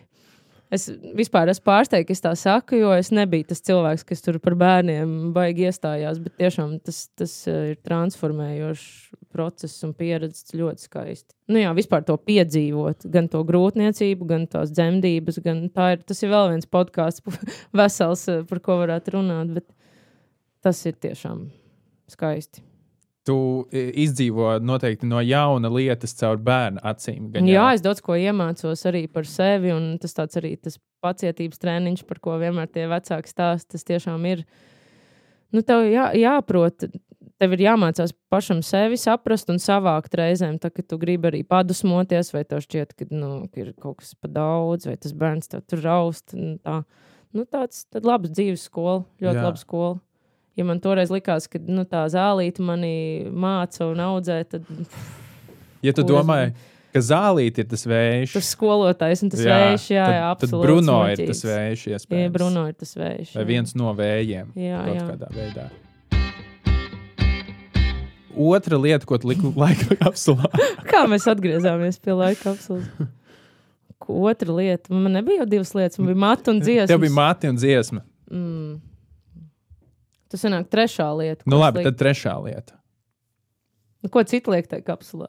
Nu, Nu, ko, nu, es, tā, es vienkārši tā domāju, man Nu. nu, tiešām gribas kaut ko tādu vērtīgu Nu, nu, es- atstāt, bet Es varu pateikt, nekas vērtīgāks par matiem un dziesmām vēl nav izdomāts man. laikam. Arvis Zēmanis ielika, uh, nu, viņš ielika ģimenes foto. Tā bija viena mm. lieta. Jā, Otra lieta bija uh, irbītas. Ir bijis. Zini, kas ir irbītas? Tas ir vilpīts. Nē, irbītas ir um, um, recepte. Tā ir, uh, ē, tas ir ēdiens. Ah, Viņš ir- kāds? Kaut, kāds, kaut kas ar gaļu, tur tāds Mm, mm, satīts. neēdu, uh, Viņam ne- vecmāmiņas recepte kaut wow. Jā, es nebiju arī dzirdējis iepriekš. Un uh, trešais bija, viņš teica, kaut ko, kas fermentējas. Es nezinu. Mm, jā, Jā, nu, tas ir visādi. kā buču sēni atstāt. Jā, Nu, bāc, es nezinu. Nu, varbūt tev kāds nozīmīgs albums ir bijis. Ir kāds tikai tāds tīri kā albums, albums. Varbūt dziesma, varbūt filma. Nu, jā, bet dziesmas jau es ieliku. Ah, nu jā, bet es domāju, ka Tas var būt gan, gan mans, gan arī tas Jeffa Buckley albums. Bet Ah, viņš pareizi. arī kā mūzika, viņš man liekas, nav tāds, kas var izdzīvot vairākus laikmetus vai laikus. Viņš ir tāds, nu, viena Šī laika, laika. posma, šī laika, pat bišķiņa 90. laika mūzika. Viss jau iet uz riņķi Jā, es gribētu atgriežas. rakstīt tādu mūziku, kas dzīvo cauri laikiem. laikiem, jā. Un to tad atstāt tajā kapsulā. Un ko es varētu atstāt kapsulā? Mati un albums jau ir ārkārtīgi vērtīgas lietas. Jo no matiem var uh, paņemt DNS un Jā. iespējams tevi noklonēt. Tā tad, jā, Jā? pareizi, jā. Tā kā, un trešā var būt tiešām kaut kas uh, goofy, kas tev nāk prātā. Badmintona bumbiņa, jo mēs Dīdzi spēlējam badmintonu diezgan kaislīgi. Mums laukos ir 400 kvadrātmetrīgs šķūnis milzīgs. Okay. Dīdži vecā tēva atstāt uh, saimniecību, un uh, mēs tur mēdzam, mums ir tīkls uzlikts, un mēs mācām badmintonu. Tas kā mans mīļākais sports, jo es neko citu baigi nesportoju. Cik forši! Tad, nu, varbūt bad, kaut kas, bet, nu, arī, nu, nu ko, nu, viņi taču, nu, Es atvērtu vaļā, skatos, ah, Kristīna. badmintons. patīk au. badmintons. Jā, nu, ja kaut ko grib uzzināt par mani, tad, jā, badmintons is the thing. Bet uh, gribējās kaut ko labāk izdomāt, bet man kaut kā nedomājās. Savs mute, un Viss labi. Tev jau drīz ir jāskrien vispār. es jau paspēšu. Kā tu paspēsi? Es paspēšu, jā. Ļoti labi saruna vienkārši negribās tā. Es vispār brīnos, ka jauki. mēs esam aizrunājušies līdz. Mums ir stunda desmit jau. Jā, jā. Tas ir diezgan daudz. Jā. Ko tu atstāji savā laika kapsulā? Tev Ārprāts! kāds ir to jautājis? Nē, Nu, tad tagad nav. tu vari atbildēt. Es biju vienā podkāstā, citā, uh, Sveicins Eve Frequency podkāstam, uh, un tur man tieši pavaicāja, jo es stāstīju par šo konceptu, un tur Jā. man pavaicāja. Un es biju nesagatavots šim jautājumam. Mm. Bet, uh, ko es teicu tur, es teicu, ka Davida Bovija albums Black Star Mm. man nenormāli patīk tas albums. Tas labs albums. Īpaši ar to visu stāstu, ka viņš nav dzīves vairs. Mm. -hmm. uh, jo man ir žēl, ka reizēm iepatīkas mūzika vai kāds mākslinieks vai nezinu, tur filma, nu, vai vēl vis kaut kas. Tikai tad, kad ir laiks kaut kāds pagājis, tas Jā. Ir tā skumji. Un ar Davidu Boviju man bija līdzīgi. Lai gan uh, iznāca, tad bija singls Black Star mm. -hmm. no albuma, un tad viņš vēl bija dzīves. Un es Jā, atceros, ka es es ar- Jā. Jā, jā, jā. jā. Viņš ir desmit minūtes pie tā. jā. Un es klausījos to klipu, skatījos Jā. to klipu un klausījos muziku. Un es domāju, oh, wow, šis ir rītīgi interesants priekš mūziķa, kurš ir jau uh, tik ļoti sapūsts ar vēju. Mm -hmm, nu, tāds, mm -hmm. Un uh, man interesēja, un tad es gaidīju to albumu, un iznāca tas albums, un man šķiet, ka burtiski pēc pāris dienām viņš nomira. jā. Uh, un tad es sāku. Reizēm tā sakrīt, interesanti. Jā, Mm. un man, ja man kaut kas iepatīk, kas man, man patīk uh, daudz pētīt par to. Un es sāku jā. par Boviju rīktīgi pētīt, un skatīties, un klausījos. Un, un jā, man nenormāli iepatikās Bovijas. Man viņš tā kā tādā. Tāds uh, iedvesmas avots. Kaut mm. kādā veidā es redzu Boviju klipā, vai bildē, vai vēl kaut kur. Mm -hmm. Viņš vienkārši iedod tādu iedvesmas avotu. Un es neesmu pārāk iedvesmas kind of meklētājs. Un, bet Bovijs man, jā, es izjūtu, ka viņš man iedod tādu. Mm. Man tā bija nīrvana, es atceros. Arī, Ah. kad, nu, bet kā tīnis vēl, es tā kā, man vēl interesantāks tas fakts bija, ka tas, nu, Kobeins tā kā nav dzīvs, un tad es tur meklēju visus tos viņa tur nāves sakarības, tur kā tur. Un tas, mū- tā mūzika vēl citādāk tev skan, tā, ka tu zini visu to stāstu un tā nāve tam visam līdzi. Tas arī, jā, kaut kā interesanti. Tie mūziķi nomirst, un tad tu sāc pētīt bieži vien pēc tam, kad viņu vairs nav. Tad tas viss kaut kā arī citādāk Tāpēc, ka parādās man šķiet kaut kāda vēl jā. mistērija ap Mistērija, to jā, mākslinieku. Jo, jo tu zini, ka viņš jau vairs nekad nebūs. Un tad mm. Mhm. tas, kas ir izdarīts tajā dzīves laikā, tas arī tas ir. Viss nebūs vairāk, nekas vairāk, nekas mazāk. Tas arī tas būs. Un tad tu sāc iespējams varbūt kaut ko nu, jā, piefantazēt, vai nu, vienkārši tu kaut kā citādāk raugies uz to. Un arī es klausos Blackstar, un man liekas, ka tur visur ir zīmes mm. -hmm. katrā tajā dziesmā. Iespējams, viņš arī- jau bija izplānojis to. Nu, Jo viņam bija vēzis. Jā, aiziešana. Jā, tā kā tas albums būtu tas, ko es liktu Jā, jā laika kapsulā.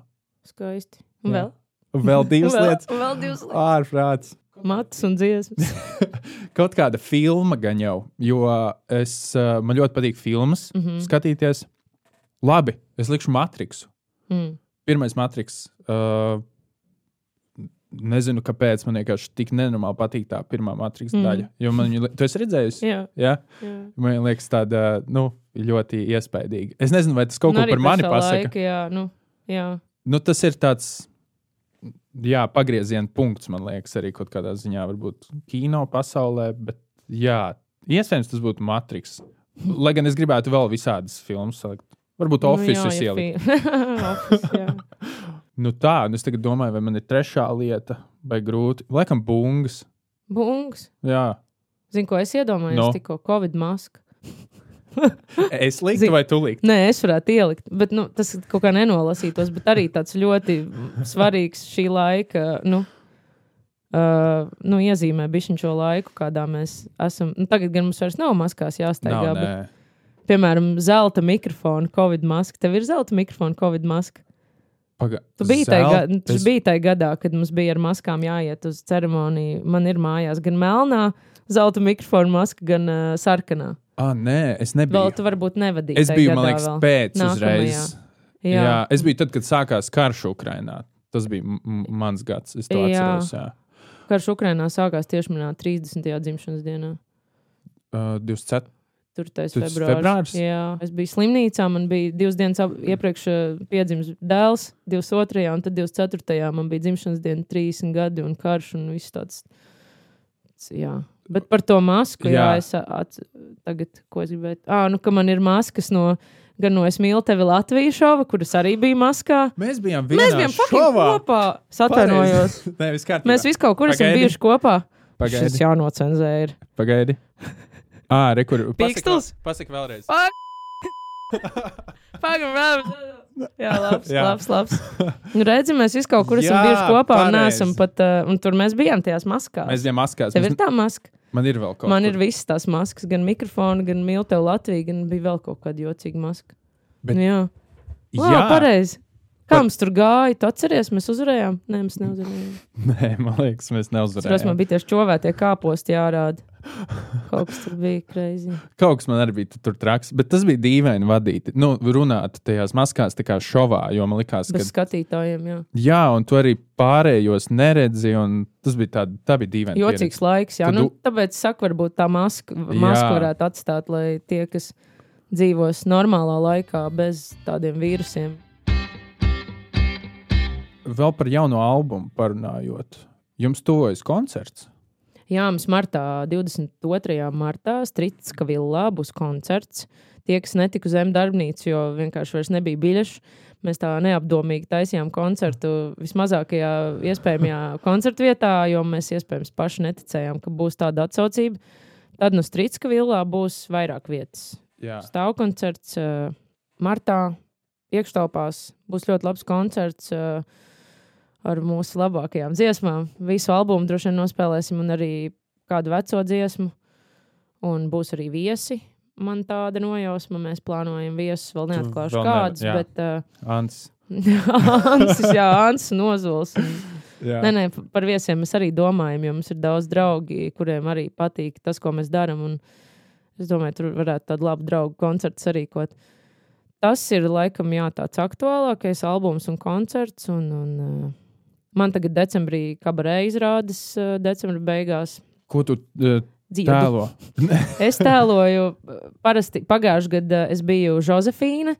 Šogad iespējams man būs cits vārds, jo es aizstāju Gabrielu Zvaigznīti. Es šogad, mm. Kā neesmu galvenajā lomā, es esmu aizstājēju lomā. Tad nu es vēl nezinu, kāds man būs vārds, bet es zinu, ka man decembrī 28, 29, 30 ir trīs izrādes, un tad janvārī vēl četras. Tur. Tas vispār arī ļoti interesants formāts, kurā būt, jo tur tu vari būt uh, kaut kas pilnīgi sev nepazīstams tēls. Un, uh, Dejot un dziedāt un ārdīties. Un tas tāds labs vispār. Slodze liela, bet ļoti laba pieredze. Jā, es neesmu Tā, bijis nekad uz nevienu kabarē. Lādījumā, jā, ir, ir interesanti. Atsauksmes labas ir uh, dzirdētas. Jā, jā, jā. Vai jaunajā albumā ir kādas dziesmas arī no, tu teici, ka tu Dānijā sarakstīji visādi mūziku, dažādu mūziku. Mm -hmm. Vai ir kaut kas, kas ir no Dānijas laika arī iekļuvis? Ilgas, man šķiet, uh, dziesma Ilgas ir visvecākā dziesma šajā albumā. Un viņa varētu būt, ka radās Dānijā jau, jo es atbraucu uz Latviju un es viņu spēlēju toreiz Rūdim un Kasparam. Tā, tā bija pirmā dziesma, ko es mēģināju nospēlēt, kad mēs tikko sākām spēlēt kopā. Varētu būt, ka viņa jau bija Dānijā radusies.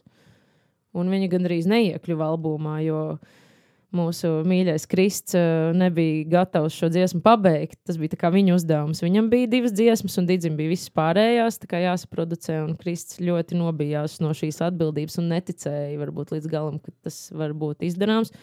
Un labi, ka izdarījām, jo daudziem cilvēkiem tā ir mīļākā dziesma. Bet viņi gandrīz neiekļuva. Tā ir vecākā, jā, tā ir reāli 16, 15 gads.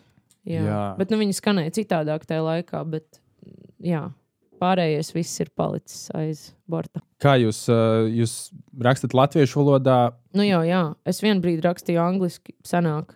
Man liekas, ka es varu labāk izteikties angliski, kas skan pilnīgi stulbi. Kā, bet es zinu, ka cilvēki baidās reizēm runāt latviešu, jo Tas izklausās tāds- kailāk. tas ir kailāk un tas ir tiešāks. Un ir, tu gribi būt tāds mazāk klišejisks un ir ļoti grūti īstenībā tā. Nezinu, nebagātīgi, bet varbūt liriski runāt latviešu valodā. Un tad es tā kā slēpos aiz tās angļu valodas ilgu laiku.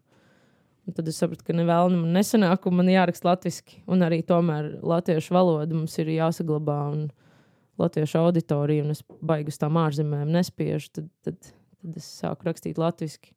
Bet mums ir viena dziesma, angļuiski, ko mēs gribējām iekļaut albumā, bet mēs sapratām, ka viņa tā kā neierakstās tieši dēļ tā, ka tā ir vienīgā dziesma angļuiski. Ah, Okay. Bet viņa būs kā singls kaut kad, es domāju.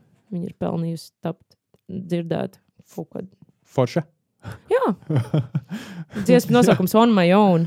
On my own. Kā es zinu, maniem draugiem, kas eh, daudziem, kas ir kaut kādi pirmsākumos jau fani, viņiem tā ir mīļākā dziesma. Viņi ļoti pārdzīvoja, ka šī dziesma nav albumā. Tad es tā kā apsolīju tiem pāris draugiem, ka šī dziesma būs. Jo laba dziesma, jā, tas ir par, par līdzīgi man ir personas kodā teksts, sava ceļa gājējs. Tad nu, tas ir līdzīgi tēma par to, ka, ka nu, I will swim this sea alone on my own. Tur, bla, bla, bla, tur. Nu, tāda laba, laba dziesma. Kad viņi būs? Uh, Nezinu. varbūt. Ja, Vai jau kad viņi būs? varbūt Varbūt mēs varam uzstādīt deadline, lai tā Uzliekam. dziesma tiešām notiek. Jā, Nu, bāc, no. Džeki. Sorry. Nu, Pavasarī varētu uz, jā, uztaisīt. uz jā. koncertu. Mm, varbūt. varbūt mēs koncertā varētu viņu nospēlēt. Jā. Ja mēs tagad par to runājam, un tas ir iemūžināts, tad Jā. Džeki mums jāspēlē on my own. Ideāli. Viss. Jā, mēs sarunājam. Vienīgā dziesma angliski 22. martā. Bet jūs, Super. jūs neplānojat, tu saki, uz ārzemēm tā baigi. Mm, es gribētu aizbraukt uz Igauniju, varbūt uh, nospēlēt, uh, piemēram, Tallinas mūziku, kā es redzu, ka mēs labi Jā. Varētu ierakstīties. Bet divus gadus pēc kārtas es esmu sniegusi mūsu tur, un mēs neesam paņemti. Iespējams, tāpēc, ka mums vēl nebija albums, un mūsu mm. -hmm. neuztver nopietni, ja tev ir tur četri singli, un tu dziedi latviešu. Varbūt mēģināsim vēlreiz. Mm -hmm. Uh, nu jā, tepat pa Baltijas valtī, valstīm pabraukāt, varbūt, nezinu. Es jau nesaku ārzemēm, nē, es vienkārši netendēju uz to Jā. tirgu, jo man liekas, ka tepat jau pietiek, ko uh, sasniegt, meklēt, rakt. Nu, saprotu, Es kā saprotu, Ķert to jā. savu klausītāju, Jā. tā ka te būs pietiekoši, kas visdrīzāk ir nekad. Tad, uh, nu jā, varbūt ārzemes. Kāpēc ne? Varētu kādā tūrītē izbraukt mierīgi. Labprāt. Un vispār uh, es. Nav tūris pieredze vispār nekāda. Ah, okartē mēs braucām tūrē pēc šova. Mēs braukājām pa Latviju, pa, mums bija Valmierā, Vēnspilī, vairākās lielākajās pilsētās mums bija tā kā tūri, okarts tūri. Ar kādām Ak, atmiņām Dievs. tu to atceries? Ak, mans dievs, viņš ārprāts. Kas tur bija? Kas bija tik Nu, labi? bija, nu, kā, Vai nu, slikti? mēs uzvedāmies nu, kā cilvēki zoodārzā. Mēs lietojām daudz alkohola. Mēs Mm. bijām, kā zvaigznes, tikko no televīzijas šova un jauni. Un mums likās, ka mēs taču esam viskrūtākie. Un, nu, šausmīgi. Nē, nu, cilvēki bija priecīgi. Tie koncerti bija izpārdoti un daudz jaunieši. Mēs pat ļāvām jauniešiem kāpt uz skatuves. Un, un, nu, tur bija Ok. okay. bārdeks diezgan liels. Un, un, un daudz alkohola. Un, nu, laikam vienīgā tūre, jā, kas man ir bijusi tāda, tā kā, nu, varbūt ir laiks mm, kādai normālai jaunai tūrei. Īstenībā jūs jau tagad ar uh, kaut kā jau varētu ar albumu turēt, man liekas, mierīgi. Mēs ne? varētu turēt, jā, mēs, Jā. jā. varbūt, kur. Nu, pa kultūras namiem varbūt, es nezinu. Nē, nu pa klubiem. Vai pa Vajag jau maz to vietu, kur spēlēt. Cēsīs fonoklubs. Cēsīs mēs fono klubā pagājušajā gadā, laikam pagājušajā gadā vai aizpagājušajā gadā spēlējām konts. Jā, tas bija foršs konts, jā. jā. Maz cilvēku, bet bija labs. Ko, nu, nebija daudz jā, cilvēku, bet tā sajūta bija laba. Man patīk tie mazie klubiņi. Ejiet tieši- uz koncertiem. Ejiet uz koncertiem, Jā. atbalstiet latviešu māksliniekus. Mums daudz brīnišķīgas mūzikas mūsu valstī. Jā. Jā. Jā. Jā, tie mazie klubiņi vispār ir foršs forš formāts. Man patīk, jo tad arī to klausītāju var sajust. Tas nav gluži stadions un uh, meža parka estrāde. Tas ir tāds intīmāks pasākums, kur tu vari tiešām skatīties tam klausītājiem acīs. Un man tikko M darbnīcā, kad mēs prezentējām albumu, bija tāda laba pieredze, kad es nebiju piedzīvojis, ka cilvēki dzied līdzi manām dziesmām. Jo man liekas, nu, tā mūzika vienkārši man likās, ka viņi pirmkārt jau ir tāda nes, ne, ne jau nesaprotama, bet tāda sarežģītāka. Un tad, kad cilvēki dzied augam viens no otra projām un, un ļauj man, un visa zāle dzied līdzi, man tas bija tik tāds aizkustinošs brīdis, ka es arī varu redzēt visus tos cilvēkus, kas tad ir tie mani klausītāji. Jo es kā, kādreiz nezināju, kas tad ir tie cilvēki. Tagad es sāku iepazīt viņus. Un tieši tie mazie koncerti ir tāda skaista mm. pieredze, ka tu vari iepazīties ar tiem cilvēkiem. Tas nav tā, ka tu kaut kur tālumā redzi to vilni. Tas arī ir skaisti. Bet līdz tam ir jānokļūst. Tev ir jāiepazīst tas savs klausītājs, un tad var, tad var tos stadionus pēc desmit gadiem. Varbūt, varbūt ātrāk. Varbūt ātrāk. Varbūt ātrāk. Nu, pie tā ir jāstrādā. Daudz darba. Bet tomēr uh, es visu laiku gribu teikt, mūža balva. Bet, uh, Jā, man jāiet uz to mūžu balvu, jā, drīz. Uh, ah, tev, pagaid, cik sākas pasākums? Septiņos. Bet Septiņos? es paspēšu. Jā, Jā. es jau to gribēju pavaicāt. Uh, tu sadarbojies arī. Tu sadarbojies arī ar uh, dažādiem citiem mūziķiem, ne tikai ar Ansi, uh, bet arī vai prāta vētru, vai ne koncertos. jā. Vai šipsī. Va, jā, Man ir ar- meiteņu draudzenes arī, ar kurām mēs spēlējam kopā grupā SPMS, Evija Weber un Elīna Silova. Brīnišķīgas sievietes, ar kurām es pagājušajā gadā es sajūtu, ka man pietrūkst sievišķā enerģija manā dzīvē, jo visur apkārt ir vīrieši. Un, un gribējās kā, satikties ar līdzīgi domājošām meitenēm un paspēlēt kopā. Un tā mēs uh, pagājušajā gadā novembrī satikāmies, paģemojām. Un tagad mums ir grupa, jā. Un mēs tā pamazām, soli pa solim, kaut ko tur buramies pie Evijas uh, mājām. Kas jūs esat kompānija? Kāda? Evija Vēbere un Elīna Silova. Mēs tāds trijo Ah. meiteņu. Var jau kaut ko dzirdēt? Jā, mums ir, Jā. mums ir dziesma saisti, kas ir YouTube un Spotify un visur pieejama. Mm. -hmm. Toms Harjo filmē klipu, tāds foršs gaisīgs gabaliņš ar Elīnas tekstu un uh, mūsu skaņām. Tāds, jā, tāds Jā. gaisīgs sieviešu enerģijas uh, mākonītis. Super. Jā, tāda lieta, un tad jau, nu, kas, kas tam man tur vēl paliek? Kas, ko es tur vēl daru? Nu, Viss kaut ko jau. Ah, nu, tikko ar laiku suni uzdziedājām Tallinas kvartālā. Man ir dziesma laiks. Jā, Es tā pareizi. vispār piefiksēju, ka man ir diezgan daudz dziesmu ar džekiem. un Tādas sadarbības, Jā. tad man sāk likties, vai tas ir ok. Tā kā Es tā bišķi vienreiz paskaitīju, man ir tā kā laikas un Ansis, Jānis Runģis, Šipsī. Tu man liekas, paga, paga, paga. Nu, tā kā, labi, nu, nē, nu, es tā pati vienkārši kaut ko sevi šaustu, viss jau ir ok. Es neredzu vienkārši- problēmu. Nu, nav tā jau kā problēma. Nu. Katrs grib gabaliņu pāžas. Šis ir labs tēkreklā, Jā. vispār teksts. Ga, tā kā ir tā Rafaela reklāma, gabaliņš, prieka vai kāds tur gabaliņš, kaut kā. Gabaliņš pāri. jā, gabaliņš pāžas. Wow. Tas ir ļoti labi. Bet tev ir vēl ar Aiju dziesmu un ar Agnesu Rakovsku. jā laima šī. redzi to, ka tās sadarbības ir izmainījušas tavu izpratni par mūziku un kaut kādu redzējumu? Varbūt ir kāda izteiktākā sadarbība, kas tev ir pamainījusi to skatījumu mm. uz lietām. Man šķiet, ka baigi nē, jo man tas mans kodols un tā mana pārliecība visur vijās cauri. Man ir diezgan skaidrs. Es arī nekad visam uzreiz nesaku jā. Es ļoti cītīgi izvērtēju, vai šitam es piekritīšu vai nē. Un es tad eju ar to savu pienesumu, un kaut kā vienmēr es laikam jūtos tieši tāpat. Mm -hmm. Tā es nejūtos baigi. Protams, es no katras tās pieredzes kaut ko paņemu, bet nav tā, ka viņi mani izmaina kā personu. Nu, varbūt tas zemestundas stāsts iegrieza Jā. to riteni, bet citādāk jau es vienmēr esmu. Nu, jau es zinu, kā, ko es daru, es zinu savu vērtību, man tā šķiet. Ar visu to, ka man dziesma, albumā ir dziesma, kāda jēga. Jā, kāda jēga no tā, jau ticības nav tā ir tēma, kas bieži vien ir ar mani, bet mums jau visiem, laikam, māksliniekiem mēdz būt tā, ka tu šaubies par to, ko tu dari, jo tā ir liela atbildība, vai ne, iznest to savu, iedot to savu stāstu. Tagad tā ir tā kaut kaila sajūta, ka tu vienkārši atdod un rekur, nu, rekomendē dvēseli, paklausies. Jā. Nu tā, tāda kaila sajūta. Varbūt tāpēc es tik ilgi baidījos vispār atdot šo stāstu prom, jo man likās, nu, kā nu, tagad. Ka visi klausīsies, kā jau, visi klausīsies un zinās, tad, kāda ir tā mana sajūta. Var jau, protams, tur eh, kā, kā tulko fi fikcionālu stāstus, tur radīt kaut kādas izdomātas tēlus un tā, bet man tā pieeja diezgan tieša. Es tā kā savus dzīves vēja pieredzes Jā. rakstu dziesmās.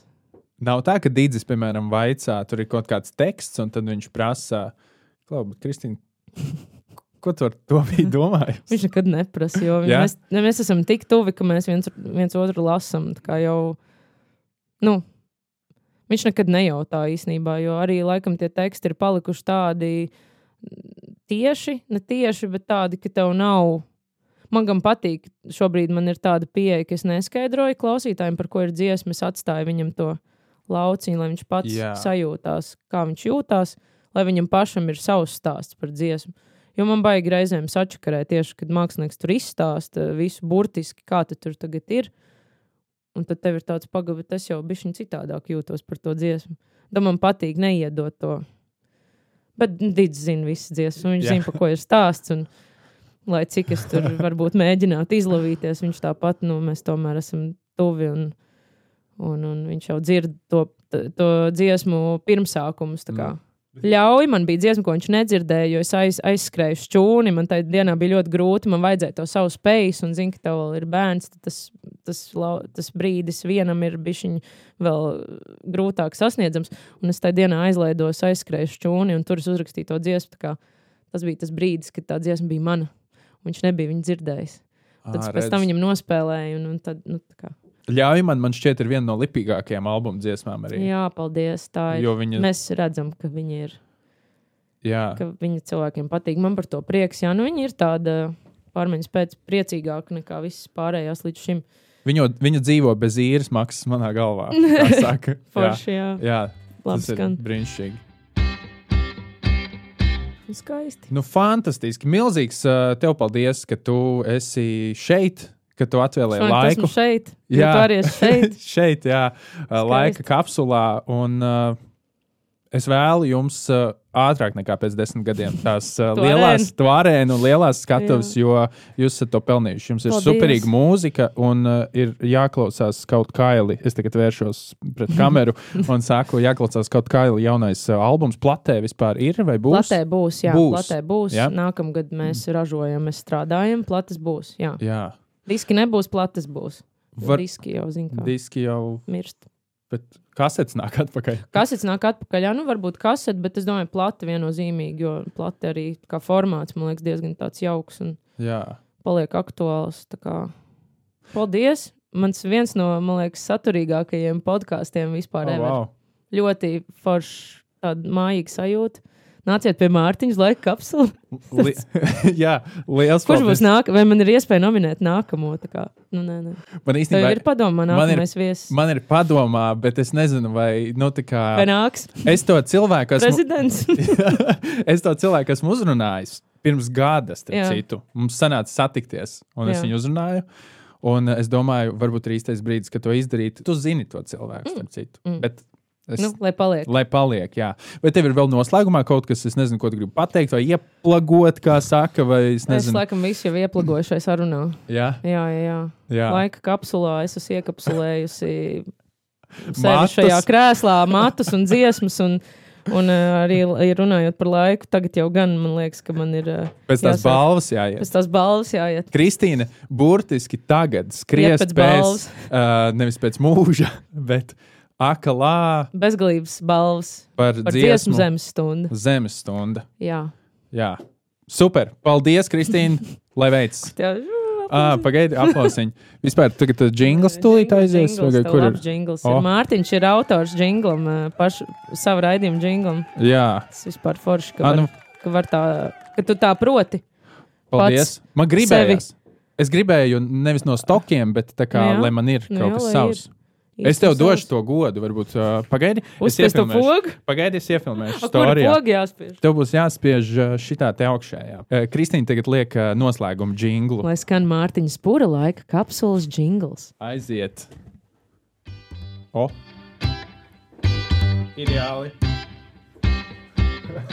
Skaisti.